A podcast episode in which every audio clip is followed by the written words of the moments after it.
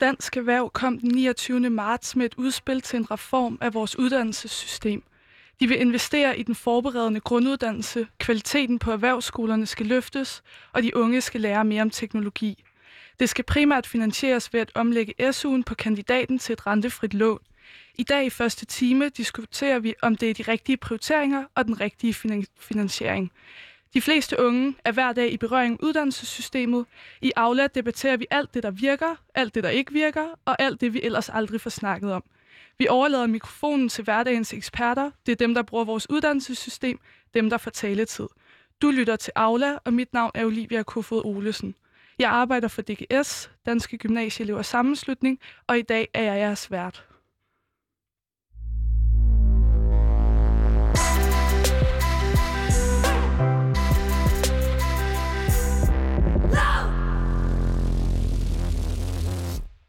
Dag og de næste tre mandag, mandage sender vi Aula. Det er første gang i dag. Det bliver spændende. Der er fortsat udsigt til mangel på arbejdskraft inden for både det faglærte og det videregående område. På arbejdsmarkedet er og vil der også komme mismatch-udfordringer, og samtidig ses en stigende efterspørgsel på innovative og digitale kompetencer. Vi skal altid arbejde for et effektivt uddannelsessystem, hvor de midler, der er til rådighed, anvendes optimalt. Vores uddannelsessystem er dog på mange områder udfordret, og der er ikke i tilstrækkelig grad taget fat om grundlæggende udfordringer. Uddannelseskvaliteten har brug for et generelt løft. Sådan begynder Dansk Erhvervsudspil. Med os i studiet i dag til at diskutere uddannelsesudspillet fra Dansk Erhverv har vi Lukas Grøndal. Du er medlem af talspersonsgruppen i øh, Modstrøm. Ja.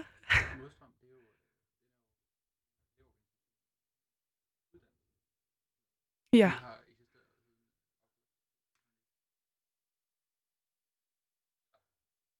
Du blev forsøgt åbnet op, fordi at der var jo øh, ret mange øh, opstartsudfordringer mange, på mange skoler, hvor at, øh, det både var, både var problemer med at skaffe lokaler og diverse kontrakter og IT-systemer, der, der ligesom skulle fungere for, at uddannelsen rigtig kunne, kunne startes op, og eleverne de kunne, de kunne modtage undervisning. Øhm, og det er nogle udfordringer, som faktisk øh, til dags dato ikke helt er, er, er løst mange steder. Ja. Yeah. Undskyld, Lukas, der var lige lidt tekniske problemer her til at starte med, men du er øh, medlem af Modstrøm, medlem af Modstrøm som, som, som er FGU-elevernes elevorganisation. Ja. Um, og FGU'en, det er den her forberedende grunduddannelse, som er ret ny, ja. siger du? den er delt op i tre spor, hvor at det ene er en erhvervsrettet øh, linje til elever, som eventuelt har tænkt sig at starte på en erhvervsuddannelse bagefter, eller komme ud i job. Så er der et, øh, et alment øh, spor, som er rettet mod dem, som eventuelt vil starte på en gymnasiel uddannelse, eller en anden boglig uddannelse bagefter. Og så er der en praktisk øh, orienteret retning, som hedder PGU, ja. som er, minder lidt, lidt mere om den gamle øh, produktionsskoleuddannelse, eller ja. den gamle produktionsskoleforløb. Og øh, det, det foregår så i værkstedshold, og det er ligesom en uddannelse, der er rettet mod alle dem, som har brug for noget ekstra tid til at blive klar, enten af personlige eller faglige årsager, til at blive klar til at fortsætte på en, en, en anden ungdomsuddannelse. Ja, og FGU'en er ligesom opstået, fordi man, man lukkede de her gamle produktionsuddannelser, som du også er lidt Ja, inde, og, og man ønskede ligesom at, at skabe en mere øh, sammenhængende og også altså kvalitativ øh, mulighed for de unge, som ikke rigtig passede ind i, i det, det gængse uddannelsessystem. Ja, altså øh, det Dansk Erhverv skriver her i deres udspil, det er, at de vil gerne have en mere praksisfaglig og anvendelsesorienteret undervisning sådan helt generelt. Et løft af FGU'en, som du går på, Lukas, øh, en styrket rekruttering til erhvervsuddannelserne, så vil de afsætte nogle ressourcer for at sikre, at ungdomsuddannelser i højere grad end i dag leverer det, som de unge og samfundet efterspørger. Og så vil de have, at der sikres nogle flere undervisningstimer, mere feedback og støtte til de studerende på videregående uddannelser, og mere fokus på digital omstilling og talentudvikling. Øhm, kan du prøve at sætte lidt ord på, Lukas, øh, hvad, hvorfor der er brug for et løft øh, for FGU'en? FGU'en, den skal, den skal, hvad kan man sige, indeholde rigtig mange forskellige tilbud til mange forskellige unge mennesker. Alle FGU-eleverne har vidt forskellige baggrunde og årsager til at være der. Og det kræver, at øh, der skal være en, en stor elasticitet og en stor rummelighed i FGU-uddannelsen, øh, som ikke nødvendigvis skal være i alle andre uddannelser. Men øh, jeg vil sige, at, at det udspil der, det, de har i deres analyse af, hvad kan man sige, hvad FGU har brug for, der har de, øh, der har de ramt meget godt spot on, og, og vi, øh, jeg vil sige, at det er også fedt at høre, at der er ligesom så meget øh, goodwill og, og interesse i at udvikle videre på FGU, fordi at øh, der, der er ligesom et potentiale der, som, som stadig mange der bliver, der bliver, øh, bliver udfyldt, kan man sige. Ja, okay. Og med os på en telefon, der har vi Mike, som er formand for øh, Danske Studerendes Fællesråd. Jeg skruer lige op for din mikrofon, Mike. Øh, og vi har også Thomas Skriver, tidligere formand for Dansk Metal Ungdom, og nu folketingskandidat for Socialdemokratiet. Jeg skruer også lige op for dig engang. Øh, hvad er jeres umiddelbare reaktioner på det her udspil? Vi kan starte med dig, Mike. Ja, men min umiddelbare reaktion er jo, at det er jo positivt, at dansk erhverv kommer med et, et ret ambitiøst øh, investeringsudspil for, for uddannelsessektoren, som, som gerne vil bruge en masse penge på at styrke uddannelsessektoren, øh, som en uddannelsessektor, som vi har set over, over en, en årrække er blevet udsultet stille og roligt af forskellige nedskæringer og, og omjusteringer af, hvordan man, man bruger sine penge, og det har bare betydet, at, at kvaliteten øh, på alle mulige parametre øh, er gået en forkert vej, og, og man er økonomisk udfordret hele vejen rundt. Altså, det er jo min, når man kigger på, hvad det er, de gerne vil, vil udrette med det her udspil, er det jo min umiddelbare øh, reaktion. Men, men det, man jo har øh, måske springer ind mest i øjnene, som der er blevet snakket mest om, er det her udspil, det er jo også den finansiering, som, som Dansk Erhverv ligger, øh, ligger til grund af for de her investeringer, hvor de jo øh, vil finde langt størstedelen af de her 3,5 milliarder ved at omlægge kandidatasugen til et, øh, et rentefrit lån. Og det synes vi jo i, i Danske Størnsfældsråd ikke er, en, er den rette vej at finde, finde pengene, og det er lidt en, en snæversynet måde at se på, hvordan vi skal investere i uddannelse, at sige, at vi kan kun øh, flytte penge internt i uddannelsessektoren, i stedet for at sige, at der skal findes nogle penge, øh, penge ude på sektoren. Ja. Ud, udspillet her, det ligger jo væk på at styrke FGU'en og erhvervsskoleeleverne øh, og øh, få flere i uddannelse. Øh, lige nu så ser vi, at 20 procent af, af de unge aldrig får sig en erhvervskompetencegivende uddannelse. Øh, men altså, det her udspil har jo nogle målsætninger om at få flere øh, undervisningstimer og større kønsbalance ind i uddannelsessystemet, og ligesom også øh, få nogle af de her 20 procent, som aldrig får en erhvervskompetencegivende uddannelse, øh, ind i uddannelsessystemet igen. Er det ikke godt, Mike? Jo, men det er jo rigtig godt. Altså, det er jo, øh, må jo være ambitionen, at, at alle unge mennesker i Danmark skal have sig en, en erhvervskompetencegivende øh, uddannelse. Om det så er øh, en, en, en faglig erhvervsuddannelse, eller om det er en, en, en akademisk uddannelse for, for universitetet, det er jo sådan set op til, hvad, hvad den enkelte ligesom brænder for og, og gerne vil, vil bruge øh, sin tid og, og sin uddannelse til videre efter, efter afsluttet uddannelsesforløb. Men, men at der er så mange, som aldrig får taget sig en, en kompetencegivende uddannelse, det er i hvert fald ikke, ikke godt for nogen. Øh, så det er der helt sikkert nogle, nogle fornuftige tiltag, øh, som de foreslår, som jeg også siger i starten. Det er bare en, en så snæver, et så snæver syn på, hvordan vi kan finde penge til uddannelsessystemet ved at sige, at vi kun kan, kan bruge penge, som vi finder ved at for eksempel skære i kandidatsugen, i stedet for måske at, og se, om, om det ikke var noget, man skulle investere lidt mere af statskassen i bredt set. Ja. Og Thomas Skriver, tidligere formand for Dansk Metal Ungdom og ja, nu folketingskandidat for Socialdemokratiet. Kan du genkende det her behov for en større reform, øh, skal vi kalde det, af vores øh, uddannelsessystem? Ja, for pokker da. Okay, hvad var det, han hed ham fra, fra modstrøm? Lukas, Lukas Grøndal. Ja, jeg synes, det var så vigtigt, det han sagde. Altså, fordi FGU'en, den er jo skabt for at komme med et alternativ til de der produktionsskoler, som, hvis vi nu skal være helt ærlige, havde fået et rigtig dårligt ry, øh, og ikke rigtig fik løftet så mange unge. Øh, så, så jeg synes, det er en helt vildt vigtig instans, når man sammenligner med, at, øh, at 20 procent af, af de unge, der går ud af folkeskolen, de hverken kan læse eller skrive, eller i hvert fald har brug for en eller anden form for støtte for at komme videre. Øh, så jeg synes, det kommer til at være en, en altafgørende insta- øh, instans i vores uddannelsessystem. Så kan man så sige, at den er totalt underfinansieret, dengang man oprettede den, og det synes jeg er et kæmpe problem. Derfor så er det også godt, at man, øh, at man vil sætte nogle penge af til det. Yes. Rød, svamp, dårlig ventilation og utætte bygninger, det er noget af det, nogle lærere og elever møder i dagligdagen på den forberedende grunduddannelse, altså FGU'en. I en undersøgelse blandt tillidsrepræsentanterne svarer hver femte, at hovedparten af lokalerne ikke var i en acceptabel stand et år efter uddannelsens start. Hvad tænker du om det, Lukas? Er det noget, du kan genkende, det billede? Øh, jeg har faktisk øh, ikke opholdt mig voldsomt meget på skolen i den tid, øh, fordi at jeg går på IGU-forløbet, hvor jeg er mest ude i praktik. Men øh, altså, jeg kan godt genkende, at, at der har været problemer med at skaffe lokaler nok, øh, og at de lokaler, der har været, de ikke helt har levet op til, øh, til, til forventningerne til dem. Øh, okay. Men det, jeg tror, det er ligesom et, et, et, et ekstra symptom, der viser nogle underliggende øh, problemer, som har været med hele opstarten. Øh, jeg ja. tror ikke, det er nødvendigvis er problemet øh, mm. på den måde. Nej, og Thomas skriver siger jo også her, at uddannelsen er født uden finansiering, ikke? og der har været nogle problemer både med sådan de fysiske rum og lokaler, øh, men simpelthen også med altså, det digitale, den teknologi, der, der, der skulle være her på FGU'en, at der har været nogle problemer øh, med det fra start. Er, er det ligesom er det et øh, symptom på, at der har manglet finansiering fra start, og at vi skal sørge for at, at proppe nogle flere penge ind i øh, FGU'en? Det er i hvert fald et symptom på, at altså eksekveringen af den plan, der var, ikke er blevet øh, udført efter, øh, efter den, den standard, som man havde regnet med. Mm. Øh, der har i hvert fald været, ligget en plan og en idé om, hvordan det skulle være, og så har, har resultatet bare ikke levet op til den. Mm. Øh, jeg tænker, det er flersidigt. Hvad tænker du om det, Thomas skriver? Altså, øh, nu siger du selv, at FGU'en er, er underfinansieret fra start.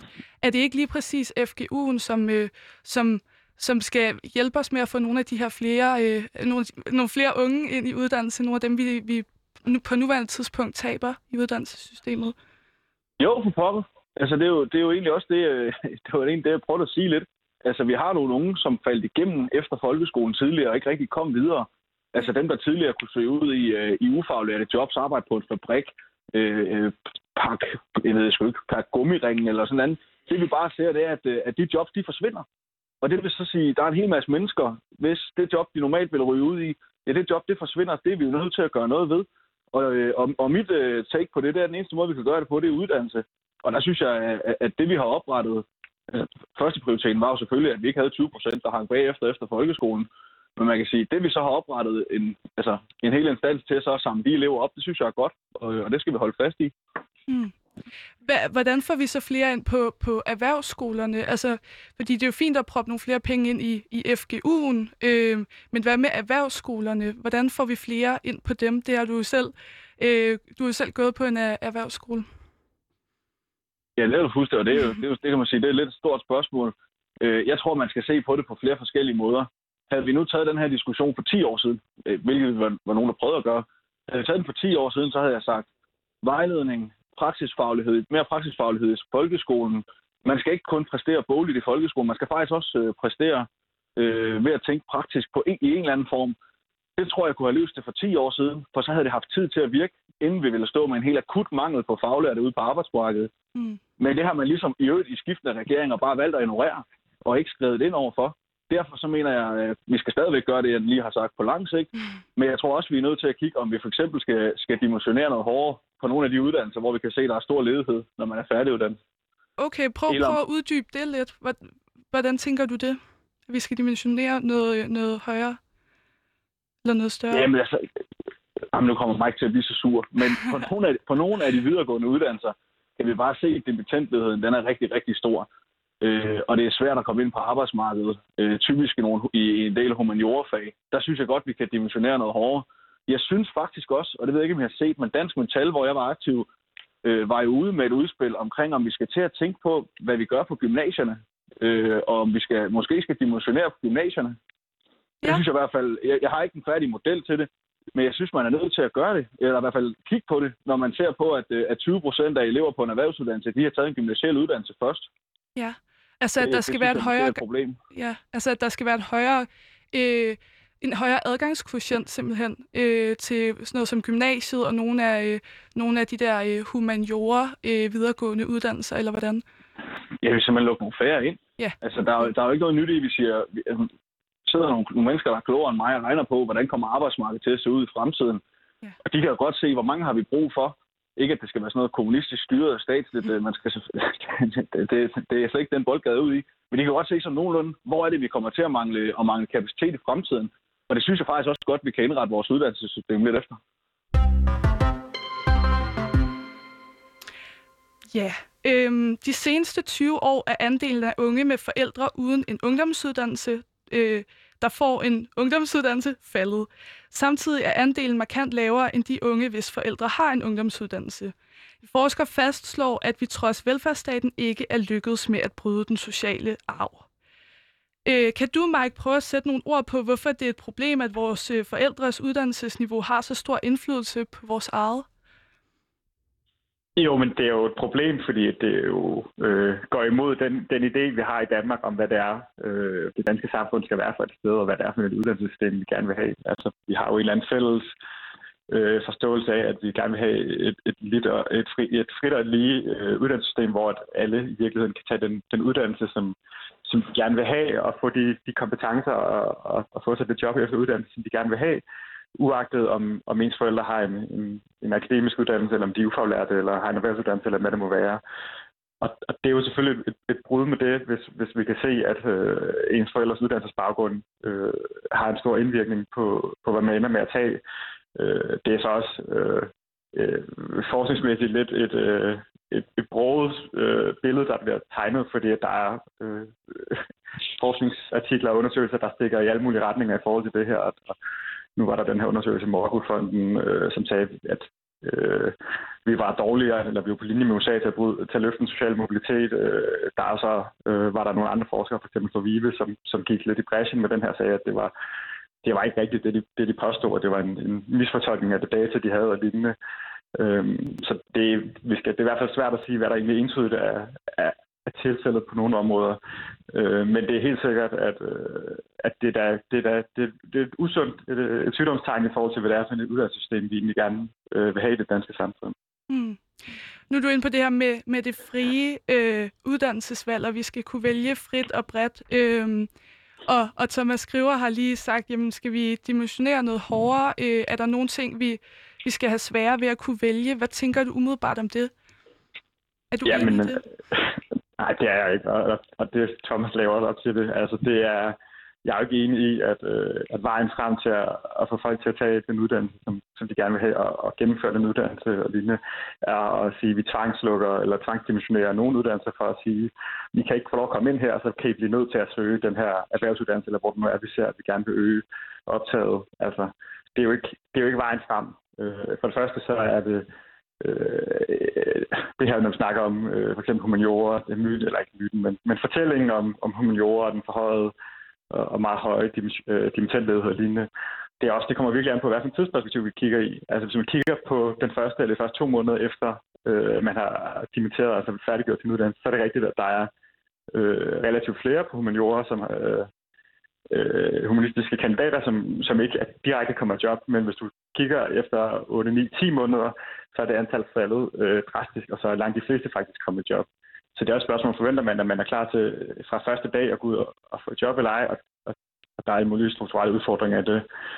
Øhm, men altså, min, min pointe vil stadig primært være det her med, at, øh, at det jo ikke øh, kommer til at hjælpe at få folk til at søge de uddannelser, vi gerne vil have, de skal søge ved at tvangslukke nogle andre. Det handler om, at man skal skabe attraktive øh, miljøer, attraktive uddannelser på tværs af hele uddannelsessektoren, så det netop bliver, bliver lysten om motivationen, der driver øh, det uddannelsesvalg, man har, og ikke en eller anden øh, politisk øh, tvang at sige, at vi skal have, vi skal have folk til at læse det her fag, derfor så øh, øger vi antallet af studiepladser og, og skærer lidt nogle andre steder. Vi har også set på nogle af professionsuddannelserne, hvor man har, har øget optaget, og man ikke har kunne kunne få nok ansøgere til pladserne, fordi de netop ikke... Øh, man har ikke fået taget hånd om det grundlæggende problem, som er, at, at hvis du tager en, en sygeplejeuddannelse eller lignende, så ser du ind i et arbejdsmiljø på den anden side af din uddannelse, som ikke er særlig attraktivt, og som, som der er behov for, at man fra politisk hold ligesom gør et eller andet ved.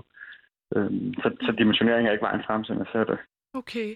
Øhm, kan du prøve at sætte nogle ord på, hvorfor det er et problem, at vores forældres uddannelsesniveau har så stor indflydelse på vores eget? Altså, altså hvad, hvad, hvad har det af konsekvenser sådan, øh, på længere sigt? Får vi et mere og mere sådan ulige arbejdsmarked også? Eller hvordan er det med den sociale mobilitet der?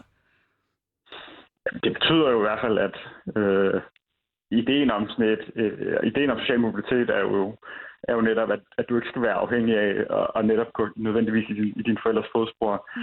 Og der er selvfølgelig nogle, nogle kulturelle og sociale ting, der gør, at der vil jo altid være nogen, der, der følger i forældres fodspor. Der er også naturligt i det, men du skal ikke være pålagt det. Og, og i det tilfælde, hvor at, øh, at du gerne vil tage en anden uddannelse, og hvis du har ufaglærte forældre, så skal du ikke være bundet til at, at ikke tage dig en kompetencegivende uddannelse på grund af det. Så skal du selvfølgelig få taget dig en kompetencegivende uddannelse, som, som du brænder for og har lyst til at tage, og på den måde kunne på mange måder øh, være med til at løfte øh, øh, et ansvar og løfte en, en opgave for samfundet mm. øh, fremadrettet. Thomas skriver, hvordan tænker du, vi kan sikre den her sociale mobilitet, vi, vi jo ønsker, at, at, at lige meget hvilket hjem du kommer fra, lige meget hvem dine forældre er, jamen så kan du få den uddannelse, øh, du har lyst til, eller øh, du vil være god til. Jo, må, må jeg måske lige få lov til at svare to ja, pointer det, på, på, på det, der blev sagt? Det kan du også få lov til, ja. ja, jeg kan sige, altså, først og fremmest, så tror jeg, i forhold til, til dimittentledighed, bare for at knytte en hurtig kommentar, så er man ikke simpelthen nødt til at læse på, ikke bare kommer man i job, eller kommer man ikke i job, men hvilke jobs kommer man i. Fordi virkeligheden ude på arbejdsmarkedet, det er jo, at der er utrolig mange med kandidatuddannelser, som går ud og får jobs, de er langt overkvalificeret til. Altså, og, og, og det mener jeg bare ikke, vi kan være, altså fordi de har uddannet sig øh, væsentligt længere, end de behøvede for at kunne tage sådan et job. Det kunne fx være statskundskaber i HK-jobs i kommunerne. Altså, øh, hvilket er totalt uholdbart på den lange bane. og så bliver der talt så meget om, øh, om det frie uddannelsesvalg. Men har vi nogensinde stoppet op, og så spurgt os selv, vores generation, har vi frit uddannelsesvalg? Men det vil jeg jo ikke mene, vi har. Altså, vi er, jeg er i hvert fald vokset op i et uddannelsessystem, hvor jeg har fået at vide fra den dag, jeg startede i skole, hvis du vil være en vinder, så skal du på gymnasiet. Hvis du vil være en taber, så skal du tage en erhvervsuddannelse. Hvad tror vi så, unge mennesker de vælger, når de skal til at vælge? Altså, det er da ikke et frit uddannelsesvalg, når, både vi har, når vi har opdraget både vores børn og deres forældre til at den eneste gode, øh, gode uddannelse for deres, øh, Altså, hvis man vil noget med livet, det er en gymnasieuddannelse. Men, det synes jeg, vi er nødt til at, at diskutere. Thomas skriver, du valgte selv en erhvervsuddannelse. Hvorfor gjorde du det, hvis du fik at vide, at det var en taberuddannelse? Nej, jeg valgte sgu, jeg valgte sgu gymnasiet. Nå, jeg har, for sådan, okay. jeg, har, jeg, jeg har jo en STX i bagagen øh, på samfundsfaglig linje. Okay. Øh, og det var også fordi, jeg havde fået at vide, at hvis man, altså, man skulle uddanne sig i lang tid, og statskundskab, apropos, var jeg faktisk til at ville læse. Og det havde jeg fået at vide, så, kunne man, øh, så var arbejdsmarkedet fuldstændig åbent bagefter. Okay. Hvor jeg så stod øh, efter, øh, efter gymnasiet og, og tænkte, hvis jeg rent faktisk gerne ville ud og have, øh, og, og, og have et arbejde, og der, mm. hvor der var mangel på, på, altså på arbejdskraft, det var for rigtig mange erhvervsuddannelser. Derfor startede jeg faktisk øh, som industritekniker. Okay. Vil du have lov at svare på det, Mike? nu, øh, nu har Thomas Skriver lige, øh, lige svaret lidt på noget af det, du sagde. Jeg ved ikke, om, øh, om, om du har en kommentar til det. Jo, men jeg tror da, at, at altså, øh, jeg tror da i forhold til det, altså selvfølgelig er der, er der mange forbedringer, vi kan gøre i forhold til at styrke øh, et, et, et, det, altså et, et faktisk frit og lige uddannelsessystem. Selvfølgelig er der det, at der er jo, der er jo alle mulige årsager til, at, øh, at der er ting, der skal, skal forbedres, alle mulige årsager til, at, at der er, bliver truffet nogle, nogle beslutninger, som ikke er, er, er det, vi gerne øh, så og lignende. Øhm, men det her med at sige, at, at så er det en taberuddannelse at tage en erhvervsuddannelse, så er det en vinderuddannelse at tage en, en, Øh, en gymnasial uddannelse og en universitetsuddannelse måske. Men altså, vi, skal jo, det, vi løser jo ikke det problem ved så bare ved en foretegn og sige, at det er en tabuuddannelse. Hvis du tager dig en humanistisk uddannelse, der kan du jo ikke få et relevant job. I stedet for skal du tage dig en erhvervsuddannelse, fordi der mangler en, en masse uddannede. Der kan du sagtens komme ud og få et, et fagligt relevant job. Øh, for det første deler jeg altså ikke helt det her med, med hvor mange, der kommer i et fagligt relevant job, øh, som, som Thomas Skriver nævner, men men, men det er han nok heller ikke overrasket over. Men altså, vi løser jo heller ikke, og det er jo heller ikke løser ikke problemet hvis at sige, vi vender foretegn på, hvad det så der er vinderuddannelsen og taberuddannelsen. Så har vi jo så et omvendt skævt uddannelsessystem og et, og et skævt øh, sådan, kulturelt opfattelse af, hvad der er værdifuldt og ikke er værdifuldt for samfundet.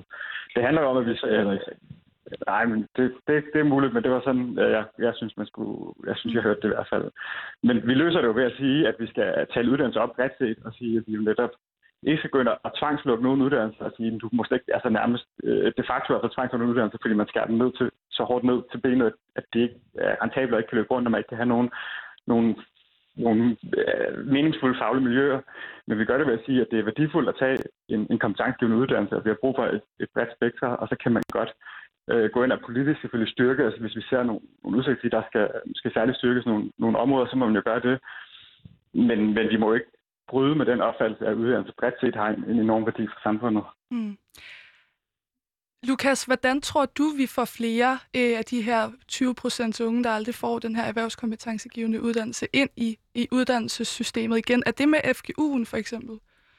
Blandt andet. Øh, mange de grunde til, at folk falder fra, det er, at, øh, at de har øh, nogle personlige eller faglige udfordringer, som, som presser dem øh, til ikke at, at være i stand til at gennemføre. Og øh, man, kan, man kan jo lette det pres på, på flere måder. Man kan, man kan gøre det lettere at komme ind på en uddannelse. Man kan gøre uddannelser mere attraktive. Man kan også øh, lette de unges pres øh, direkte. Øh, for eksempel med, med, med øh, økonomisk øh, understøttelse som SU og sådan noget. At mm. man, kan, man, kan både, øh, man kan både angribe den udfordring på, på hjemmefronten og på, på udefronten, kan man sige. Mm. Altså nu foreslår Dansk Erhverv jo netop at øh, omlægge kandidat-SU'en til et øh, rentefrit lån. Og, og, og du siger, det er jo netop sådan noget som SU'en, som gør, at man, man tager en uddannelse, og man tør øh, begynde på det. Mm. Øhm, hvad, Mike, kan du prøve sådan at sætte nogle flere ord på det? Altså, hvad vil, der, hvad vil konsekvensen være, hvis man øh, omlagde øh, kandidat-SU'en til et rentefrit lån? Jamen, konsekvensen vil jo være, at øh, der vil være et endnu større øh, ulighed i, hvem det er, der, der, der tager øh, tager uddannelse, vi får et større ulighed i uddannelsessystemet. Øh, det, er jo ikke, det er jo ikke en ny dagsorden, det her med, med omlægge kandidat til lån. Det har, der været foreslået flere omgange, og det betyder også, at, at vi jo heldigvis har lidt, lidt data i banken, lidt information i banken om, om, om, hvordan folk reagerer på det, og hvad folk synes om det. Og, og nogle af de gange tidligere, hvor det er blevet foreslået, har man øh, jo lavet rundspørger blandt, øh, blandt studerende og spurgt, jamen hvis, hvis du ikke øh, kunne få den SU, som du har nu, men i stedet for skulle, skulle modtage den som et lån, du skulle betale øh, tilbage, sådan, uagtet om det er rentefrit eller ej, øh, så ser vi bare, at øh, der er en ulighed i, hvem det så er, der siger, at de vil fortsætte på den uddannelse, der gang eller overhovedet er startet.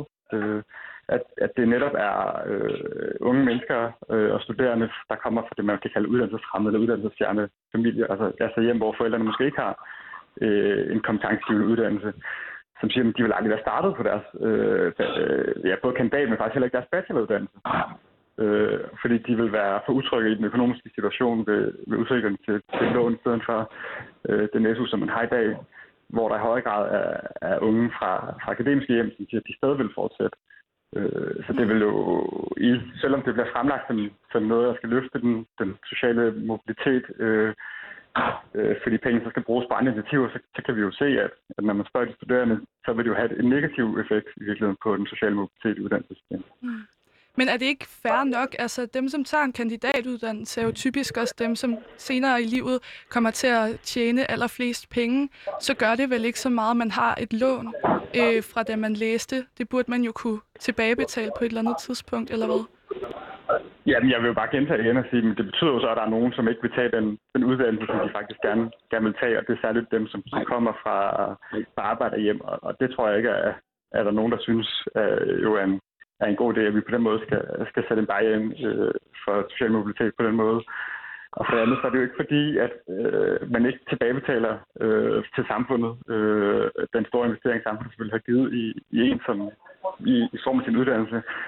Øh, og det er sådan set lige meget, om man er kandidatstuderende eller, eller man er erhvervsuddannet og lignende.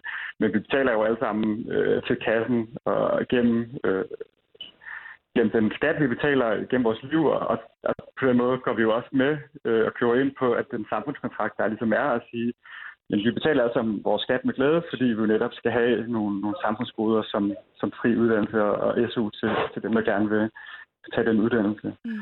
Øh, så det vil jo egentlig, altså jeg, jeg ser ikke, at der er et eller andet retfærdighedsprincip i, altså man kan købe sådan en retfærdighedsprincip i, om du tjener også mere, derfor må du jo så øh, forvente, at det er retfærdigt, at du skal have et lån, i stedet for, i stedet for at få bare et, en finansieret støtte fra staten. Hvad tænker du om det, Thomas skriver? Altså, er, kunne det ikke være en barriere netop for, for øh, unge fra uddannelsesfremmede hjem, øh, hjem øh, og, og gøre det sværere for dem øh, at starte på en videregående uddannelse, øh, hvis man omlagde kandidat til et lån? Og, men altså, først og fremmest, så kunne jeg sådan set godt tænke mig at vide, hvor, hvor mener, at vi skulle øge den ulighed henne. Altså for den dag i dag, der er det kun 5% af dem, der læser på kandidatuddannelser, der kommer fra ufaglærte hjem. Altså, så, så, så det, der, synes jeg, øh, der synes jeg, der er nogle proportioner, der er helt væk, hvorimod halvdelen af dem, der går på kandidatuddannelser, ja, de kommer sådan set fra altså, af børn af, af forældre, der også har, øh, har akademiske uddannelser. Så man kan sige, jeg mener jo den dag i dag, der er det den ufaglærte børn, der kommer tidligt ud på arbejdsmarkedet og betaler for, at, øh, at, at akademikernes børn de kan få lov til at få SU. Og, og, og altså, det, det synes jeg sådan set er et problem. Og, og, så, og så tror jeg egentlig, man, altså, jeg tror, Mike han er nødt til at spørge sig selv, en undersøgelse, hvor vi går ud og spørger universitetsstuderende, om de vil være tilfredse med at få taget deres kandidat-SU. Hvordan vil den blive behandlet, hvis man skulle analysere den på statskundskab? Altså ikke særlig godt, tror jeg. Så kan jeg, så kan jeg bedre lige at kigge til for eksempel Norge, hvor vi netop kan se, at de har fjernet kandidat, eller ikke fjernet, de har gjort kandidat til et lån, og det har overhovedet ikke haft nogen påvirkning på at bryde den sociale arv. De er rent faktisk bedre til det, end vi er. Altså, så, så jeg køber simpelthen ikke den præmis, og jeg synes, det er en mærkelig undersøgelse, de bliver ved med at henvise til. Mm. Vil du svare på det, Mike?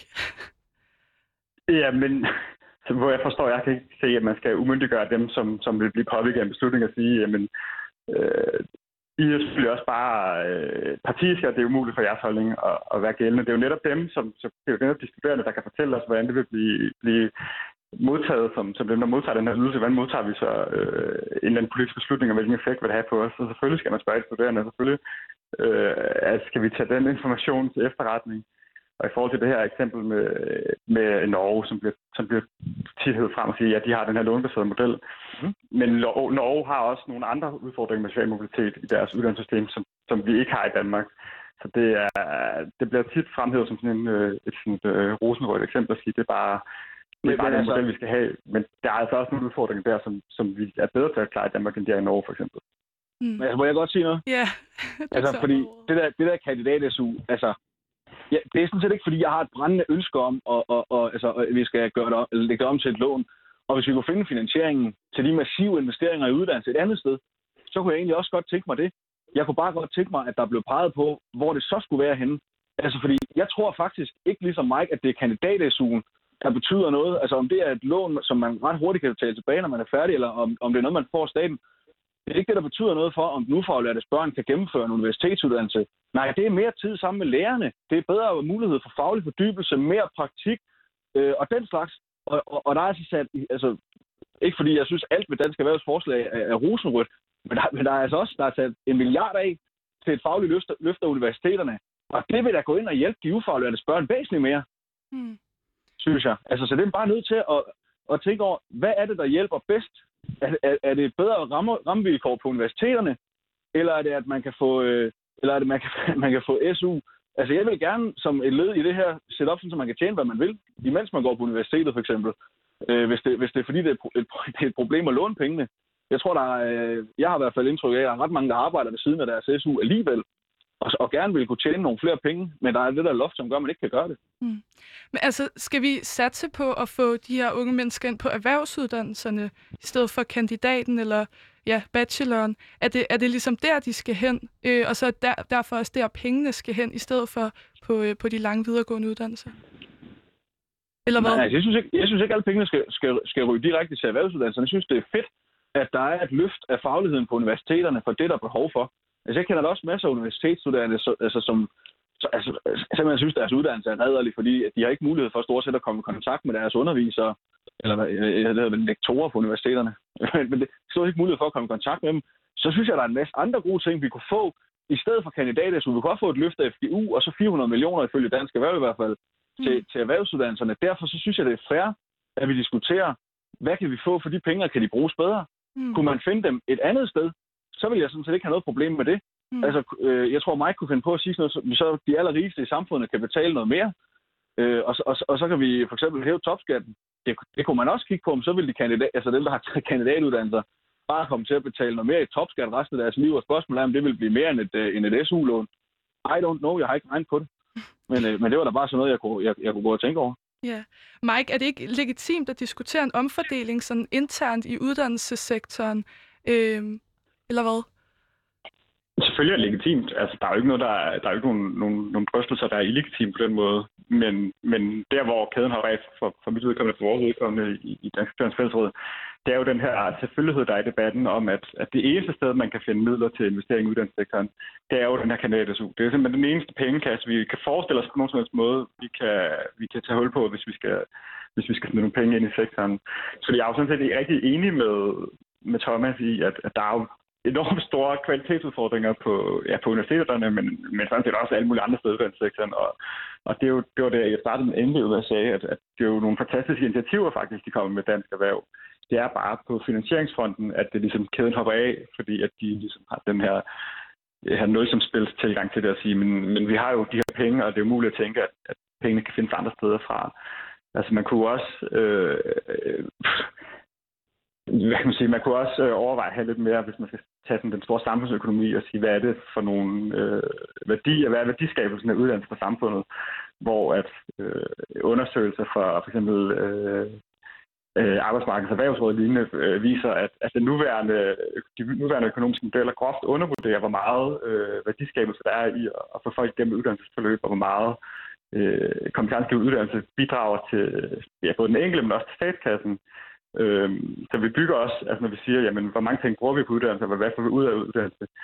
Altså, vi ved allerede i forvejen, at en krone investeret uddannelse giver, giver sig selv mange gange tilbage, øh, og det er endda med nogle modeller, som faktisk undervurderer den, den faktiske effekt.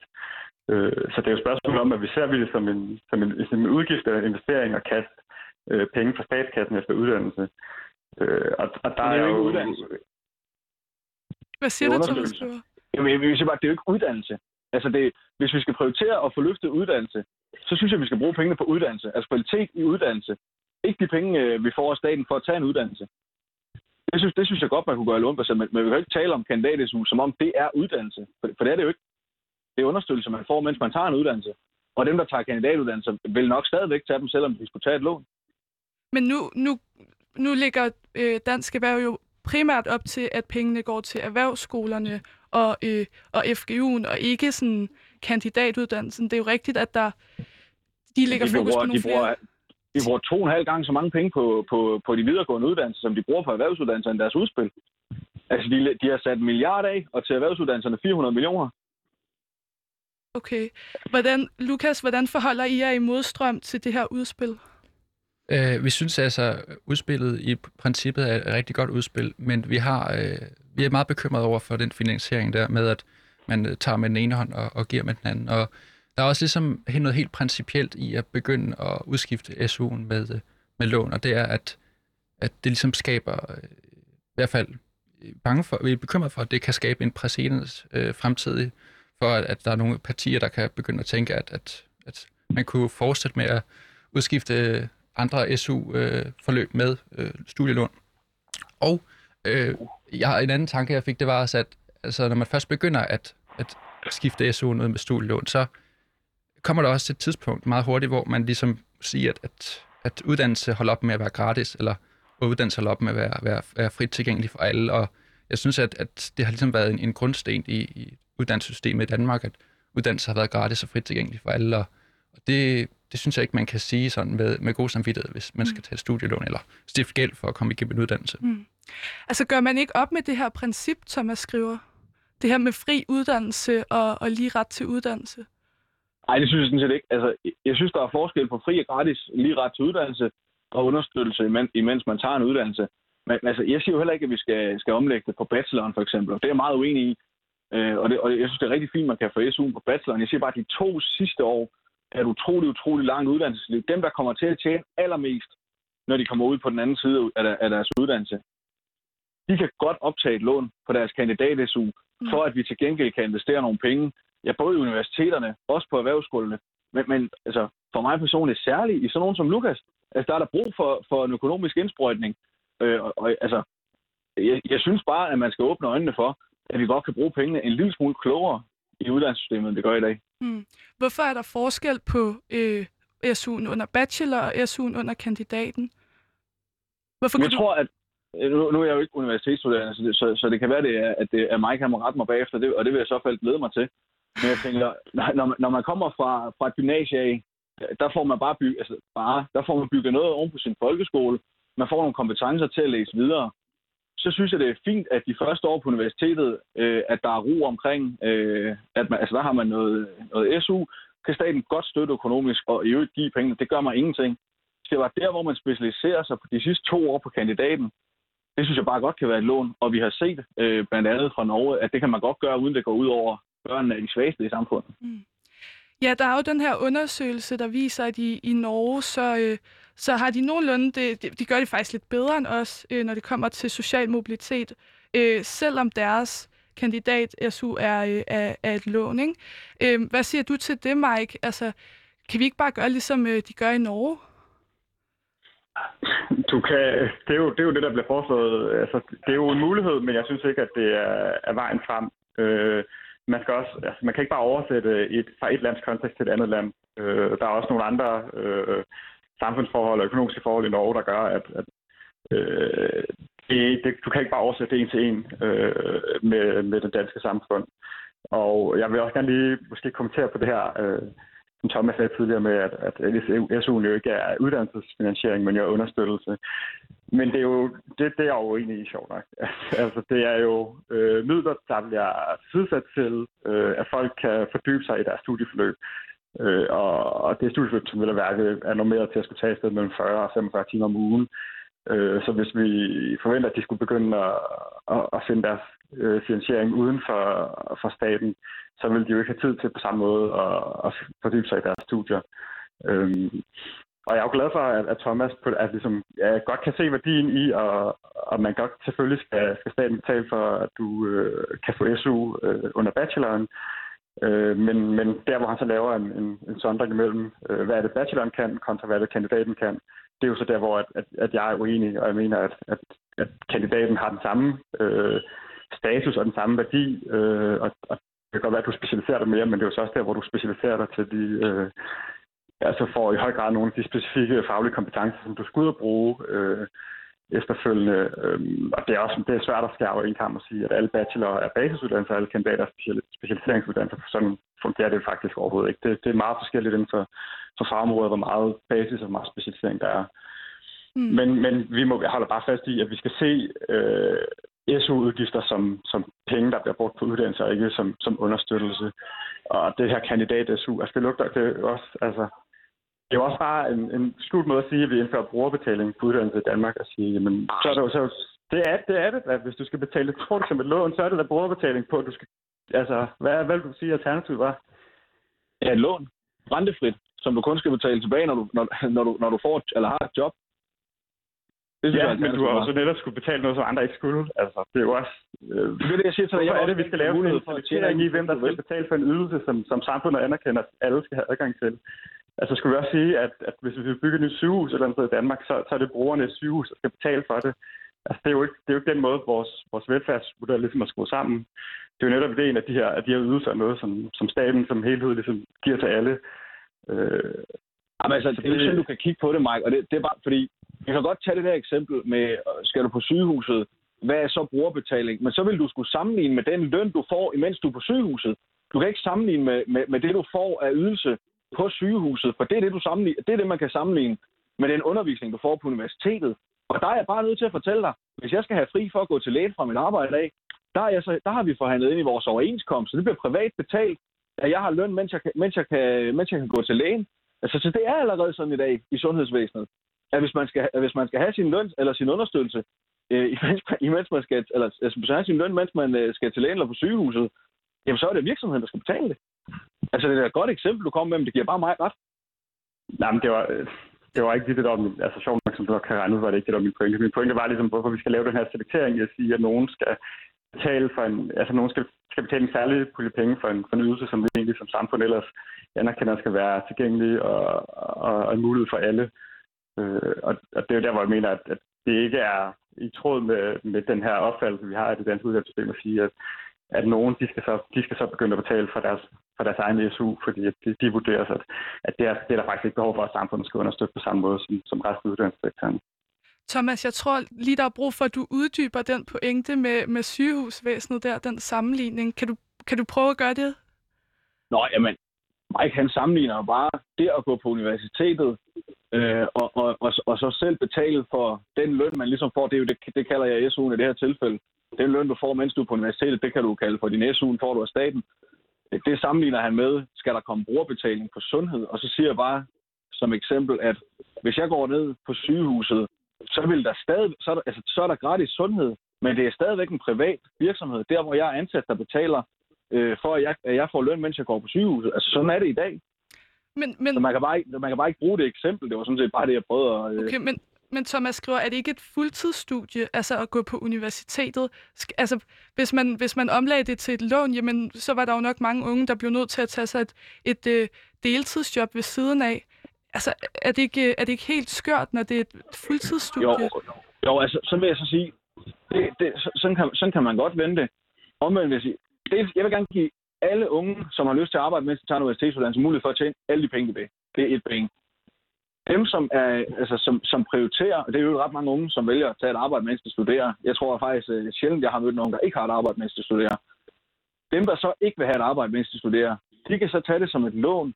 Og når det er et lån, som er jo der rentefrit, så kan vi jo sådan set også give mulighed for at, øh, at, at låne noget mere, end hvad, end hvad man kan få i SU i dag, hvis man, hvis man selv vurderer, at det kan jeg godt betale tilbage, når jeg engang er færdiguddannet. Mm. Altså, jeg må bare spørge mig, hvis, hvis man kan sammensætte sådan et lån, så det passer til for eksempel, hvor man studerer henne, kunne det ikke være løsningen øh, på, at studerende også havde mulighed for at komme ind på boligmarkedet?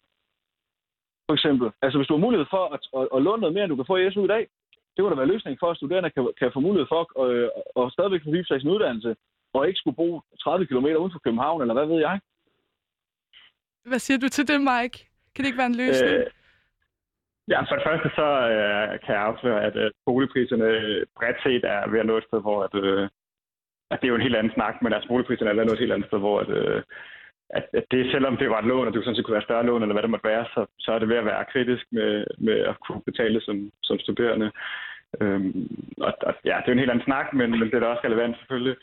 Øhm, det er da også en, en fin pointe i forhold til, hvorfor det her, den her øh, kandidat som lån egentlig er, det er i hvert fald en slagside, som man skal have for øje med det, øh, er, øh, hvad det vil gøre for øh, de dimittenter, der kommer ud på den anden side. Altså, hvad er det for en situation, de ser ind i, når de, når de er færdiguddannet.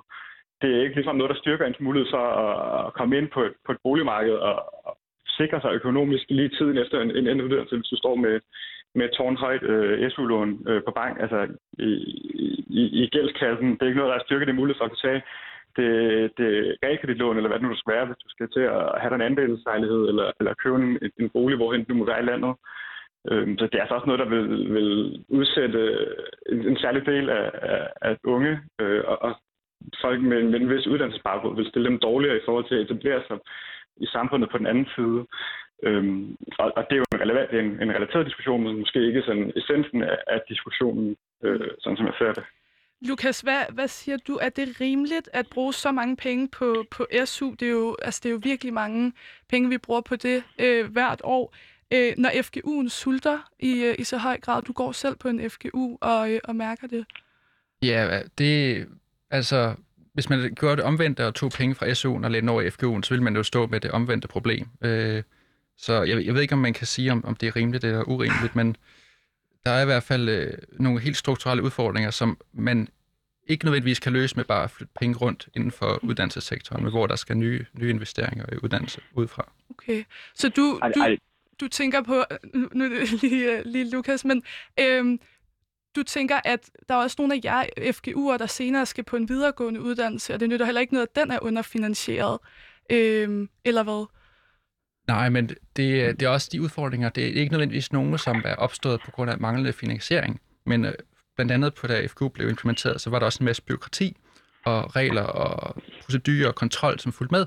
Og det har øh, givet skolerne meget, øh, meget store udfordringer med ligesom at, at kan man sige, bibeholde den der elasticitet og, mm. og have nogle, nogle strømlignede beslutningsprocesser, som gør, at de kan, de kan gøre deres mm. undervisning så god som muligt. Øhm, specielt min egen skoleleder har givet udtryk for, at, at den største udfordring efter opstarten, det er, at beslutningsprocessen er så tunge, at når, hvis de for eksempel skal søge en pulje til noget undervisning, så skal de igennem øh, ministeriet x antal gange, og der skal laves øh, øh eksemplarer eller ting og sager, der viser, hvordan det hele fungerer. Og det er, det er en, en, en større proces, som, mm som hvad kan man sige, en, en sten i skoen på den måde. Okay, så der mangler ikke kun finansiering. Der er også, øh, der er også noget med friheden på selve øh, den enkelte uddannelsesinstitution, sammenlignet med produktionsskolerne. Ja, øh, der, var er før. mere autonomi, det vil i hvert fald være, være lige så godt som flere penge. Okay, okay.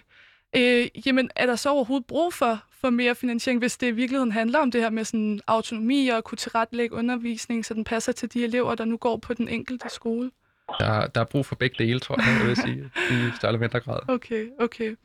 Jamen, altså, Thomas skriver, hvad, hvad siger du til det? Der er måske slet ikke øh, brug for så mange penge, som, som, som Dansk Erhverv er ude øh, på at give til, til FGU'en. Altså, i virkeligheden, så er det måske fint nok, der ligger nogle penge til kandidat SU, så, så Lukas og de andre FGU'er senere kan, kan, kan, kan turde tage sådan en uddannelse, eller hvordan? Og altså, når man siger det, så er man jo i gang med at snyde Lukas godt og grundigt for en, en bedre finansiering til hans uddannelse. Altså, jeg må bare slå fast. Da jeg sad i, i hovedbestyrelsen Dansk Metal, der er jeg privilegeret nok til at sidde sammen med en masse gode lokale metalformænd, som stort set alle sammen sidder i en FGU-bestyrelse. Altså, så jeg har fuldstændig indgående kendskab til, at der mangler penge på, på mange af de her FGU-skoler. Hvordan det så er med byråkrati, ja, hvis der er nogle regler, der gør, at der skal puljepenge gennem ministeriet øh, op til flere gange, så lad os få fjernet det pjat. Altså, det er jeg fuldstændig enig i. Mm. Øh, og, og, og, og trivsel lokalt på skolerne, det, altså, det må være en lokal ledelsesopgave at sørge for, at det, at det virker. Men det bliver, altså, helt ærligt, det bliver jo sådan nogle sådan lidt søforklaringer øh, for, hvorfor vi ikke kan, kan prioritere nogle af dem, som, øh, som måske står lidt sværere i samfundet, sådan rent uddannelsesmæssigt, som for eksempel alle de elever, der går på FGU, har brug for et løft, har brug for mere faglighed, for at nogle kandidatstuderende, som sagtens skulle betale SU-lån tilbage bagefter, øh, ikke, ikke, sagtens, altså ikke sagtens kunne låne de penge. Altså der, der mener jeg bare, der vil jeg hellere prioritere sådan nogen som FGU-elever, de kan få en god uddannelse, i øvrigt samtidig med, at vi prioriterer til reel uddannelse og ikke uh, til understøttelse på, på erhvervsuddannelserne på kandidaten. Mm. Men, men der er vel også nogle af de her FGU-elever, der skal have en kandidat øh, senere, og øh, som, som Mike var inde på, jamen, så ser vi en tendens til, at det især er akademikernes børn, eller ja, der tør tage de her øh, lån. Øh, så, øh, altså, det har noget med fagligheden at gøre. Altså, øh, en nægter simpelthen tro på, det kan vi også se fra Norge af, at det har noget med SU'en og understøttelse, man kan gøre, mens man tager uddannelsen. Altså, man kan få, mens man tager uddannelsen. Det har noget med den faglighed, man får. Altså, hvis man, bliver, hvis man kommer bagefter i folkeskolen, har brug for et fagligt løft for at komme op og tage øh, en kandidatuddannelse, så er det da død og pine fagligheden på FGU, der er det vigtigste. Så er det da ikke, at man på et tidspunkt skal kunne få gratis SU på, på kandidaten. Altså, og, og, og så frem man så, øh, som det er i dag, er en af de få, der lykkes på FGU at komme ind og få en kandidatuddannelse, jamen, så har man jo også været igennem øh, altså en udviklingsrejse. Man har, da, man har da formet sig selv uddannelsesmæssigt og i øvrigt personligt. Og så står man også i en anden situation, da man var FGU-elev. Mm. Og kan måske endda se ud øh, i jobmarkedet bagefter, også med en høj løn. Derfor kan man også sagtens betale kandidatlån tilbage til den tid. Mm. Altså det er jo ikke sådan, så fordi man har været FGU-elev, så bliver man ved med at være, at være udsat, eller hvad skal man kalde det, mm. resten, øh, resten af sit liv. Den køber jeg ikke. Altså hvad siger du til det, Mike? Øh, vil du selv turde øh, tage et, et øh, SU-lån, øh, hvis, ja, hvis, du skulle, øh, hvis du skulle starte i dag? Det er jo godt nok, synes jeg, et svært spørgsmål at svare på, fordi jeg har jo heldigvis ikke øh, skulle forholde mig til det. Øh, men jeg, øh, altså jeg kommer der heller ikke, øh, og nu det er også, man skal passe på, altså man skal aldrig gå ned i sådan case-by-case-tilgang, men altså jeg kommer der heller ikke fra et, et, et særligt akademisk hjem, som jeg vil sige, at med, med en ufaglært bror og en, og en faglært far, øh, så er det jo ikke fordi, at, at der var skrevet akademikere i min pande, men, men vi havde jo netop et uddannelsessystem, der gjorde, at, at, at det var det, der tiltalte mig, og det var det, som ligesom ville. Men jeg, jeg synes, at det, det vil, synes jeg egentlig ikke er, er så relevant hvad, lige nu og her. Øhm, vi må, så vil jeg hellere forholde mig til de undersøgelser, der er lavet, hvor man har spurgt mere end 1000 studerende øh, tidligere, og der er også lavet andre undersøgelser for nyligt i forbindelse med det her øh, øh, det her forhøjet SU-lån, man kan tage for nyligt øh, som sådan en hjælpepakke til studerende øh, som, som bare undersøger netop, hvem er det så, der, der har den her villighed og, og tør tage de her lån. Og det er bare øh, børn fra øh, videre, altså veluddannede hjem og fra, fra akademikerhjem, som i højere grad er tilbøjelige at tør tage de her lån. Øh, og, og hvad er det for nogle familiedynamikker og lignende, som ligesom er årsag til det, det, det skal jeg ikke gøre mig til, til herre over eller gøre mig klog over. Faktum er bare, at vi kan jo se, at det, det er folk fra uforlærte hjem og fra, og fra arbejderhjem, som vil øh, svare, at de ikke vil tage deres øh, bachelor- eller kandidatuddannelse, eller som, ikke, øh, som føler sig økonomisk usikre ved at tage de her lån. Og, og derfor øh, kommer det til at have en social slagside uden, uden videre, hvis man vil omlægge kandidatuddannelsen til lån. Og der er jo også Øh, hvis det igen, jeg snakker det, det, det er jo et nyt forslag, at der har været utallige, utallige, utallige folk, øh, som har sådan stået frem og sagt, at de havde ikke øh, ville tage det her, øh, den uddannelse, jeg havde nu, hvis det var en øh, lånebaseret finansiering, eller hvad hedder det, øh, SU, man havde. Øhm, og så øh, det vigtigste for mig at sige bare her til sidst er, øh, hvis vi snakker om, hvorvidt kandidaten skal være øh, lån eller ej, vi gør det på, de rigtige, på det rigtige grundlag, og ikke på en eller anden øh, påtvunget idé fra, fra Dansk, Dansk Erhverv og andre, som gerne vil, vil fortælle os den her historie om, at den eneste måde, vi kan finde andre midler til, til uddannelsessystemet, det er ved at omlægge kandidatsystemet Mm. Det er simpelthen ikke sådan, det, det hænger sammen. Altså sådan, det er uddannelsessektoren er ligesom øh, en, en aktiv for staten, som man kan vurdere, hvorvidt man vil investere midler i eller ej. Og, og den her, det her nådsomspil, eller den her kobling mellem, at jamen, hvis vi skal bruge flere midler på, på uddannelseskvalitet, og det er sådan set det meget om det på, på kandidatuddannelsen på FKU'en eller, eller tredje sted, så kan det kun, de kan kun komme ved at omlægge kandidaten til lån. Det er simpelthen ikke sådan, det hænger sammen. Og, og det er jo ikke sådan, det hænger sammen nogen steder i samfundet, men det er heller ikke sådan, det hænger sammen med uddannelsessektoren. Så, så den her, øh, jeg kan sige, det er jo, som jeg sagde i starten, selvfølgelig er det legitimt at snakke om, om den her debat, men vi skal tage den på det rigtige grundlag, og ikke på sådan et påsvunget idé om, at jamen, vi gør det jo, fordi vi gerne vil investere i uddannelse. Det er fedt, vi gerne vil investere i uddannelse, men vi kan også godt investere i uddannelse, uden at vi omlægger kandidaten til et lån. Mm. Hvad siger du til det, Thomas skriver? Nu er der lige et minut tilbage. Øhm, har du en kommentar til det her til, til slut? Ja, jeg synes, det er fantastisk, at Mike kan gerne vil diskutere det. Og det synes jeg, der er behov for, og tidligere fra DSF har holdningen at det vil man ikke. Øh, og det skulle være sådan en hellig ko, som man ikke vil snakke om. Jeg synes, det er fedt, at vi kan snakke om det. Jeg glæder mig til at se, hvad Mikes udspil øh, til at finde de, de penge til, til et fagligt løft er. Øh, fordi, ja, som jeg sagde til at starte med, jeg har ikke en eller anden øh, våd drøm om at afskaffe kandidater, og gøre det til lån, som partout skal være den. Og hvis jeg ser et bedre finansieringsforslag, øh, så, sy- så synes jeg, det er det, den vej, vi skal gå. Jeg synes bare ikke, det er helt tosset at kigge på, at vi udbetaler flere penge i SU, end vi reelt set bruger på kvalitet i uddannelse. Og der er jeg altså en mand, der hellere vil, vil, vil investere i kvalitet i uddannelse. Mm. Okay. Øhm, jeg vil sige tak, fordi I var med. Tak til dig, Lukas Grøndal, øh, med, medlem af talspersongruppen øh, Modstrøm, og øh, Mike, formand for øh, Danske Studerendes Fællesråd, og Thomas Skriver, øh, øh, folketingskandidat for Socialdemokratiet og tidligere formand for Dansk Metal Ungdom. Øh, tak fordi I var med. Vi lyttes ved.